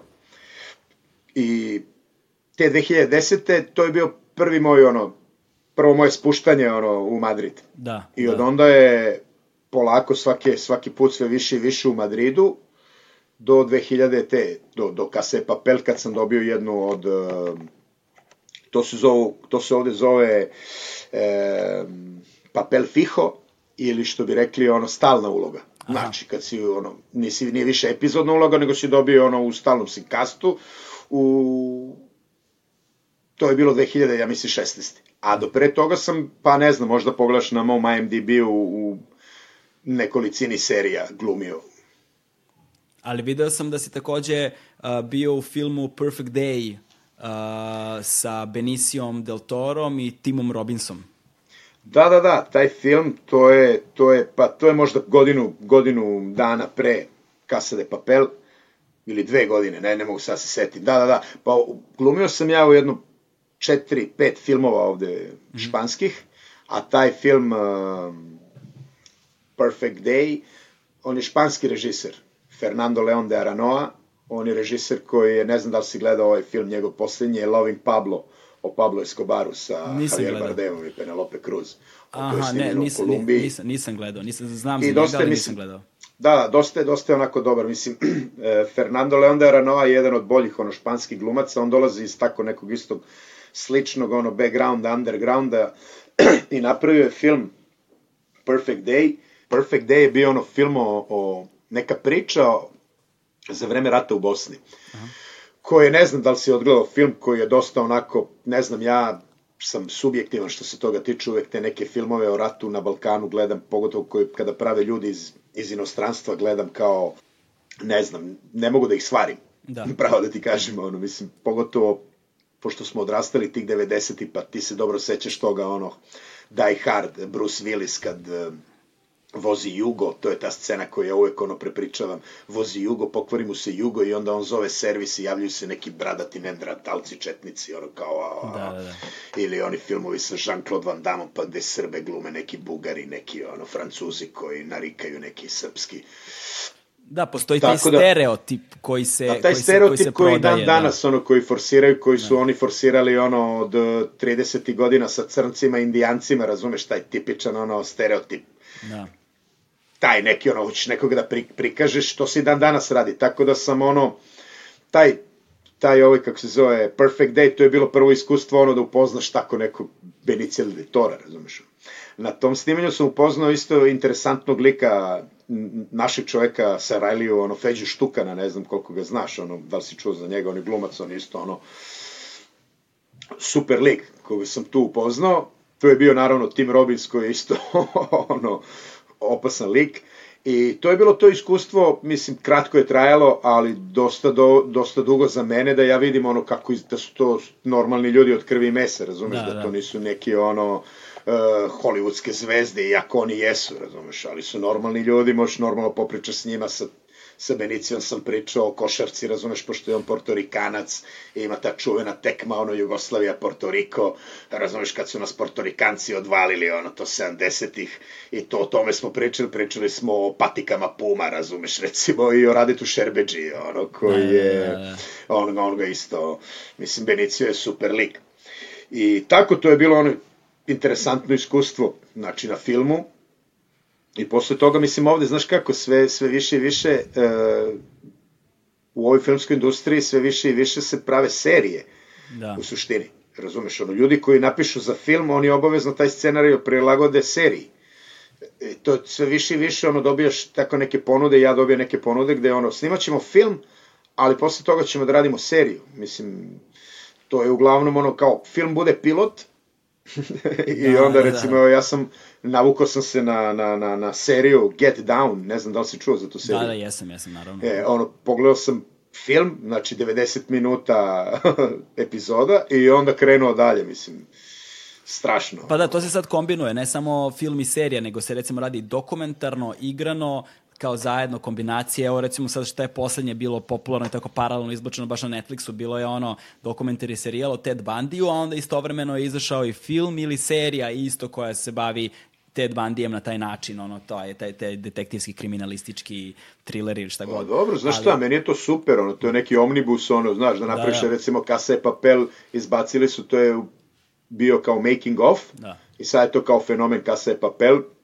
i A mislim, meni je to okej, okay. znaš, ono, kao ranije čitaš recenzije, sad možda ogledaš making of, možeš ono, da. slušaš ono na Spotify, slušaš playlist, o... E sada, ima svega. Ovaj, da uđemo polako u poslednji segment razgovora, ubili smo sigurno dva sata, dobra. A, a, celokupan, mislim, a, e, vrlo jasna slika, vrlo jasnu sliku smo stekli o tome kakav si ti kao, kao lik i ono, vrlo, vrlo si prijatno iznenađenje na, na, na globalnoj sceni, svakako i kod nas ovde, s obzirom da nisi bio poznat ranije ono, u, u našim krug, u krugovima ovde u re, regionu, dok se nije pojavila ova La Casa de Papel, ali taj, taj eksplozivan skok a, iz te faze životne u kojoj si bio na ovoj na kojoj se nalaziš sada, ovaj, sigurno ne ide bez nekakvog, ono, bez nekakve cene, bez nekakvog odricanja, bez nekakvog danka, bez nekakve ono, kontrole samog sebe, ono, i, i znam da ti imaš uh, taj ceo jedan spiritualni moment, ceo taj jedan meditativni moment i da imaš cele te neke tehnike, ono, kako se recimo pripremiti za casting, kako ono hendlovati neku, neku životnu okolnost i situaciju, kako se nositi zapravo sa celim tim jednim ogromnim bremenom koje slava nosi sa sobom. Jer, kao, jer svi mi negde maštamo o nekoj slavi, ali malo ko se zaustavi da postavi pitanje koja je cena te slave. Znaš, koliko je teško biti slavan i popularan, koji je pritisak koji ta jedna posebno globalna slava nosi sa sobom. Ovo ti je super pitanje i moram ti priznati da sam odgledao tvoje podcaste sa, sa Kesom i sa Đuričkom i to je bilo slično pitanje kod njih, ono, e, jedan koji ono, po, ima, ima, ne znam, nisam ga gledao, ali su mi rekli da postoji tako nešto, famous in France, o liku koji je poznat u Francuskoj, a nikoga ne zna van Francuske. Da. Recimo, to je isto kao Kesić koji je poznat u Srbiji ili Đuričko koji je poznat u Srbiji, a u Španiji niko nema pojma ko su oni meni se desilo nešto sasvim drugačije, razumeš, ja sam bio poznat svugde u svetu, jedino me u, u svojoj rođenoj zemlji nisu ljudi znali, razumeš, i to je meni bilo super, to je stvarno meni bilo super, zato što uh, jedino, recimo, što je sve ono naporno oko svega ovoga je ta neka slava. Da. To je meni ono jedino, pošto sam ja ono naviko da, ti si malo pre rekao, svi onome maštamo nekoj to slavi, ono, veruj mi, iskreno ti, ka, ono, znajući sebe, imaš ti ljudi koji imaju tu karizmu, koji rade na pijaci, znaju, znaju ih svi, ono, razumeš, ono, ti ljudi su stvarno, te, ti ljudi su meni uvijek bili interesantni. Njih nije zanimalo, razumeš, ono, pogotovo sve, svaki u Beogradu imaš 100% na zelenjaku nekog čiču koga zna ceo Beograd, koji, da, da, da. razumeš, ono, tako i u Kladovu i tako i u Barceloni imaš te. Tako da me ta neka slava, ono, svetska, to mi je uvijek bio nešto kao, za mene recimo od tih, e, ja se uvek ono vodim na Radeta Šerbeđu zato što je meni ono stvarno ne, svetla figura, kao prvo zbog, njegovog, e, zbog njegove glume koja je meni izvarenda mm -hmm. i posle zbog njegovog lika i dela, razumeš, on je ličnost ostao kakav je bio i ostao je, razumeš, ne možeš o... I, i, I on mi je neki kao taj primer ono čoveka, našeg čoveka koji je uspeo tamo, razumeš? Da, da. Sad, ne, ići, ne ići ono dalje u prošlosti pričati recimo o Tesli, ono, znaš, da, nećemo da, sad da. pričamo o, o mom nekom fahu i o moj nekoj slavi. E, I ono, baš sam to pre neki dan slušao šta kaže ovaj Nikola Đuričko, e, odjednom dođeš iz Beograda da si ti mogao recimo da biraš uloge i sad ono sedneš uh, i čekaš na audiciju sa, sa ono likovima koji ono manje više liče na tebe. E, ja sam prošao, ja sam meni je to prvo došlo, razumeš, ja se sećam tih ono audicija i tih ono castinga, to ti je, pa ne znam, bilo je perioda gde si bukvalno svaki, mislim u Los Angelesu je to verovatno još više, ali ovde u Španiji sam bukvalno veoma često. I, I prva stvar koju ti naučiš tu je ono poraz. -hmm. Prvo, prvo što moraš da priznaš, a Bogu hvala dolaziš iz neke punk kulture, ono neki, uvek si bio neki loser, neki ono, uh, out, znaš, i tako da tebi to skroz ok, ok. Dobro, znači ima boljih, ima ambicioznih, ima i onda je super meni ono što se sve to desilo, jer je uvek taj neki talent bez ambicije, to je propast, znaš, da. možda imaš talent, ali ako nemaš ambicije, e, ja sam ostao, znači, ta neka ambicija, nešto da slava i to, to mislim, ljudi, ljudi me sad, ono, videće i ovaj intervju i vide i više intervjua sa mnom, meni to nikad nešto nije bilo važno, razumiješ? Mislim, ti vidiš te ljude koje ja cenim, recimo Jim Carrey ja cenim veoma mnogo, a to što je čovek koji je radio na sebi. Sad ćemo, ono, pričat ćemo o tom radu na sebi koji je neophodan, koji je da. bez, bez obzira bio glumac ili, ili običan čovek, neophodan ti je rad na sebi. Jer recimo Jim Carrey je ono jednu fenomenalnu stvar rekao, ono kao, ja bi svakom čoveku dao i kintu i slavu, da vidi da to nije ono, nije sreća, razumeš? Tako da, što se te slave tiče, ne znam, veruj mi, sad ova globalna slava ovih zadnjih mesec i po dana, recimo, interesantno je da je Netflix pred treću sezonu oblepio celu Evropu e, našim posterima. Znači, bile su u metrou u Parizu, u metrou u Berlinu, na aerodromu u Bukureštu, Barcelona, znači to su ti bili billboardi, od, u Madridu je bio, moja faca je bila ono 5 metara sa 5, razumeš? Da, da. Ali ovaj vid promocije online u karantinu je mnogo luđi. Razumeš, ovo je, ovo je kao prvo, jeftinije, da. mnogo jeftiniji, a kao drugo stiže svuda. Tako da ja mislim da je moja popularnost sada mnogo veća, Samo što ja to ne znam zato što sam u stanu kao i ti. Razumeš? Provalio sam, otišao sam do supermarketa ono sa maskom i ovo i vidim i lik mi traži selfie, ja ga gledam, rekao daj si ti, jesi, si ti ozbiljan, stvarno misliš da će ono da se slikamo sad. I tako da, mislim, to stvarno može da te, da se ti ufuraš, da si ono stvarno, da si neki ono, da misliš da si kralj sveta, razumiješ, mm. šta je ono, šta je slava, razumiješ, što je efimerno, pogotovo danas, kad ti, evo recimo ja sada da te pitam, Galebe, reci mi neku seriju iz 2015. Da. Koliko ti treba razmišljiš ono treba da neke da serije 2015, da. razumeš, ono, treba ti Google, ono, e, tako ja znam to, jer ovo je već četvrta sezona, razumeš, ono, ja već znam kako to funkcioniše, da je taj Instagram, da je taj boom, da je to, evo, e, poš, prošle su tri nedelje od premijere, ja već vidim da na Instagramu da nije to tolika ono više, znaš. Tako da, što se toga tiče, ja znam da je to prolazno, to je tako efimerno, ta slava, da je to, uopšte me ne zanima. Šta mene zanima, zanima me sada mogućnost da, da, da upoznajem interesantne ljude, da, da, da mogu napokon da ostvarim neke moje ono želje, neke moje projekte na kojima radim, koji su nekada bili ono samo pusti snovi, a da. koje ono sada zahvaljujući toj slavi, ono možeš da popričaš s nekim ljudima, neki ljudi te slušaju, e, to je to a ovo što, što kaže, puštaju me preko reda da kupim cigare i te gluposti, ono, to je, mislim, to je, ne znam. To je manje važno.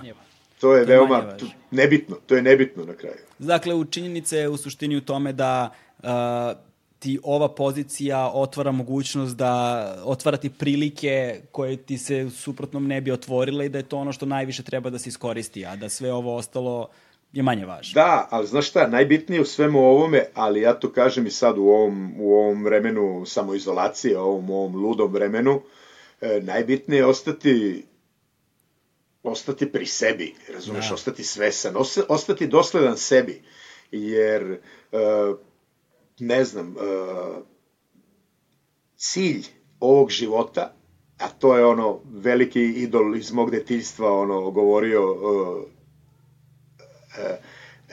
postati bolja verzija sebe. Da, najbolje ćemo. Najbolje ja ne mogu da budem ono sad, ne mogu ja da poredim sebe sa Jack Nicholsonom, razumeš, ili ne znam, Darko može, ne, ni Pavle Vujsić, ni Rade Šerbeđe. Ja mogu samo biti bolji Darko. Da. E sad, ljudi, ima ljudi koji znaju da, kako funkcioniše to, a ima ljudi koji ono, vuk dlaku menja, ali čud ne. Ja se ne slažem s tim, razumeš, ono, ja, ti si malo to pomenuo, razumeš, nema boljeg, ono, i sveci su bili grešnici, i grešnici, i ono. Da, da, da. Tako da, e, taj rad na sebi, to je veoma bitno. I ja sam, zahvaljujući tome, nekako skontao smisao ovog života, razumeš, jer je, ne znam ko je to, ti si to pomenuo, u tom od nekih podcasta da si ono, što bi to naš čuveni Toma Zdravković, dotakao sam dno života i ponore, svi smo mi to dotakli u jednom, svi mi koji imamo te neke 40. sve smo već jednom to doživeli. Da, da, da, da. Tako da se to meni desilo, normalno, ta neka, to neko beznađe, e, ne znam, e, ja volim da se zajebavam tako, znaš, ta narodna pesma, stranac ovde, stranac tamo, ja više ne znam odakle sam, znaš, ono, kad mene pitaju, sad, sad ima dosta toga, ja, kao, pa ti si Srbi, reko, ljudi, ja jesam, meni je otac Srbi, majka Srpkinja, ali e, zemlja u kojoj sam se ja rodio, razumeš, ono, bukvalno više ne postoji. Da.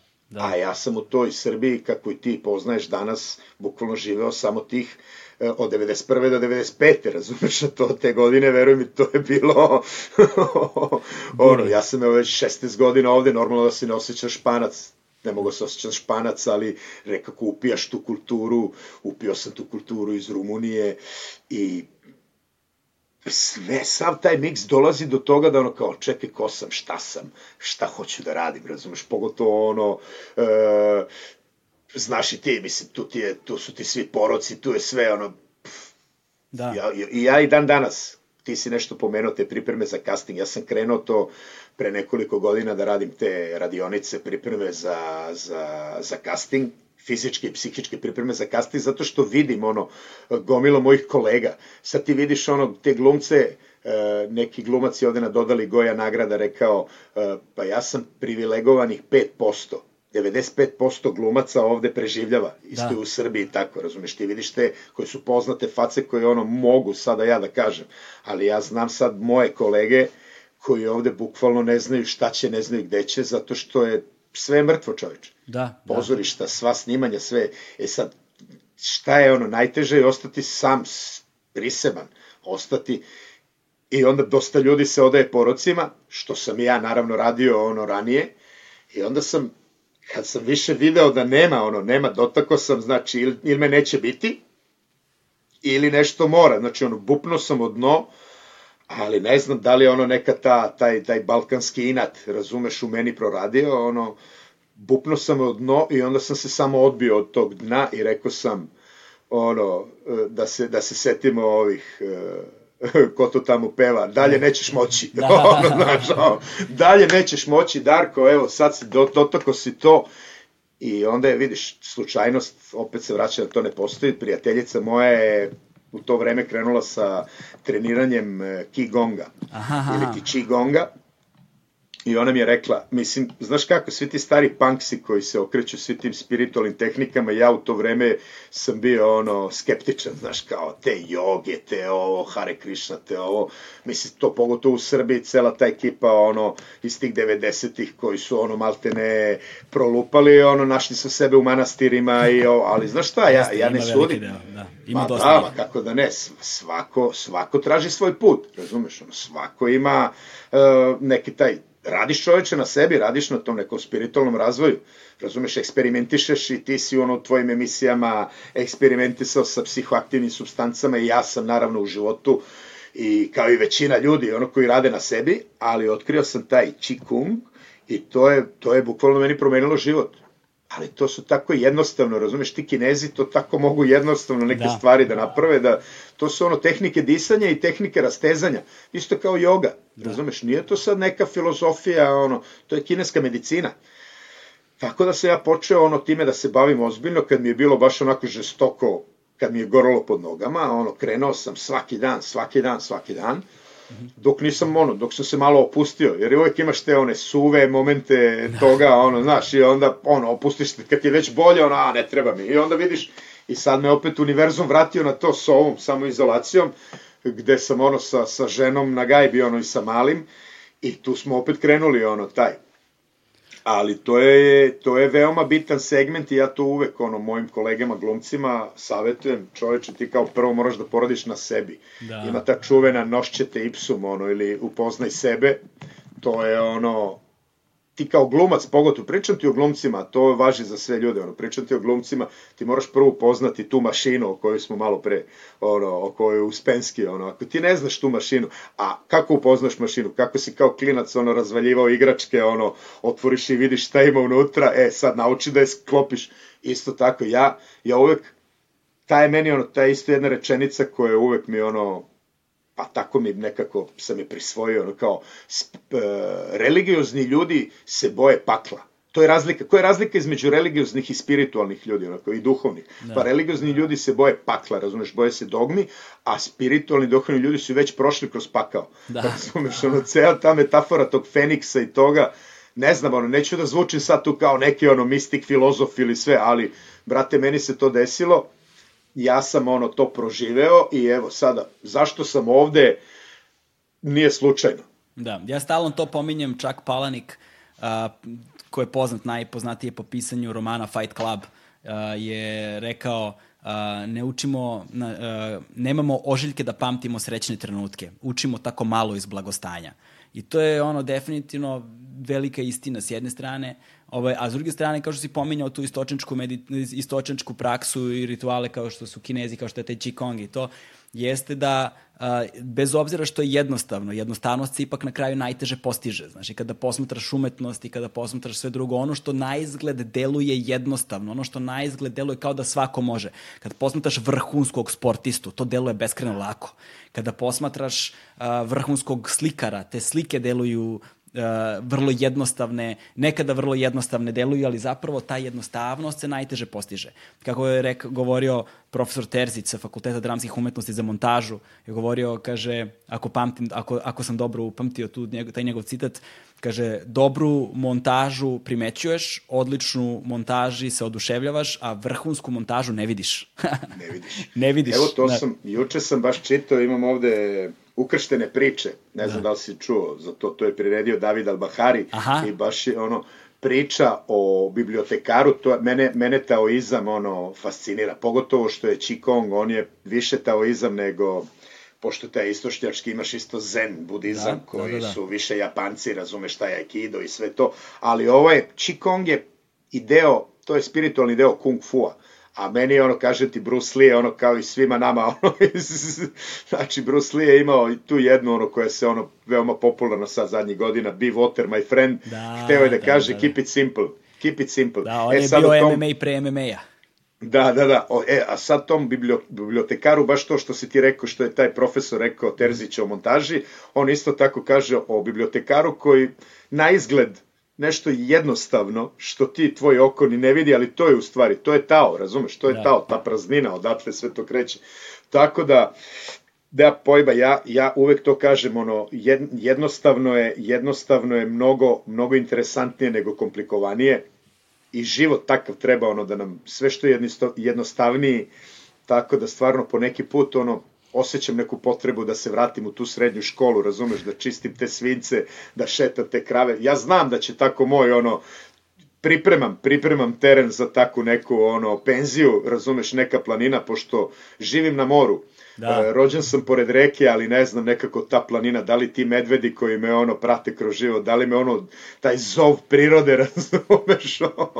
to ti kažem, na kraju, na kraju, za sam kraj da pomenemo i naš, i da nije bilo tog panka, ne bi bilo na kraju ni ovog razgovora, jer ljudi, pa, ko, ljudi koji su posredovali našem kontaktu su upravo za, za, zapravo drugari pankeri, ovaj, koje želim da pozdravim ovom prilikom Vojkana uh, iz uh, Kraljeva, koji ima band The Truth. Evo da pokažemo ploču ovu The Truth Band. Ostavit ću i u opisu videa link za neku njihovu pesmu, tako da idite tamo, kliknite, podržite lokalnu scenu. Pozdrav za ekipu, hvala vam puno za, za što ste omogućili da se desi ovaj razgovor. Pa normalno, znaš ti, mislim, ti znaš ono, ta, ta naša ono, neka punk scena, to nema ni granica, nema ni, ni, ni religija, ni boje, ni ništa, ono, to je nešto najbolje, ceo taj HC i ceo ta, cela ta punk scena svetska, to je stvarno nešto najbolje. Ja ono, kažem ti istinu, a ti to verovatno i znaš, ono, to ovo je prvi put da ja javno govorim u, u, u Srbiji i veruj mi, pravo mi je zadovoljstvo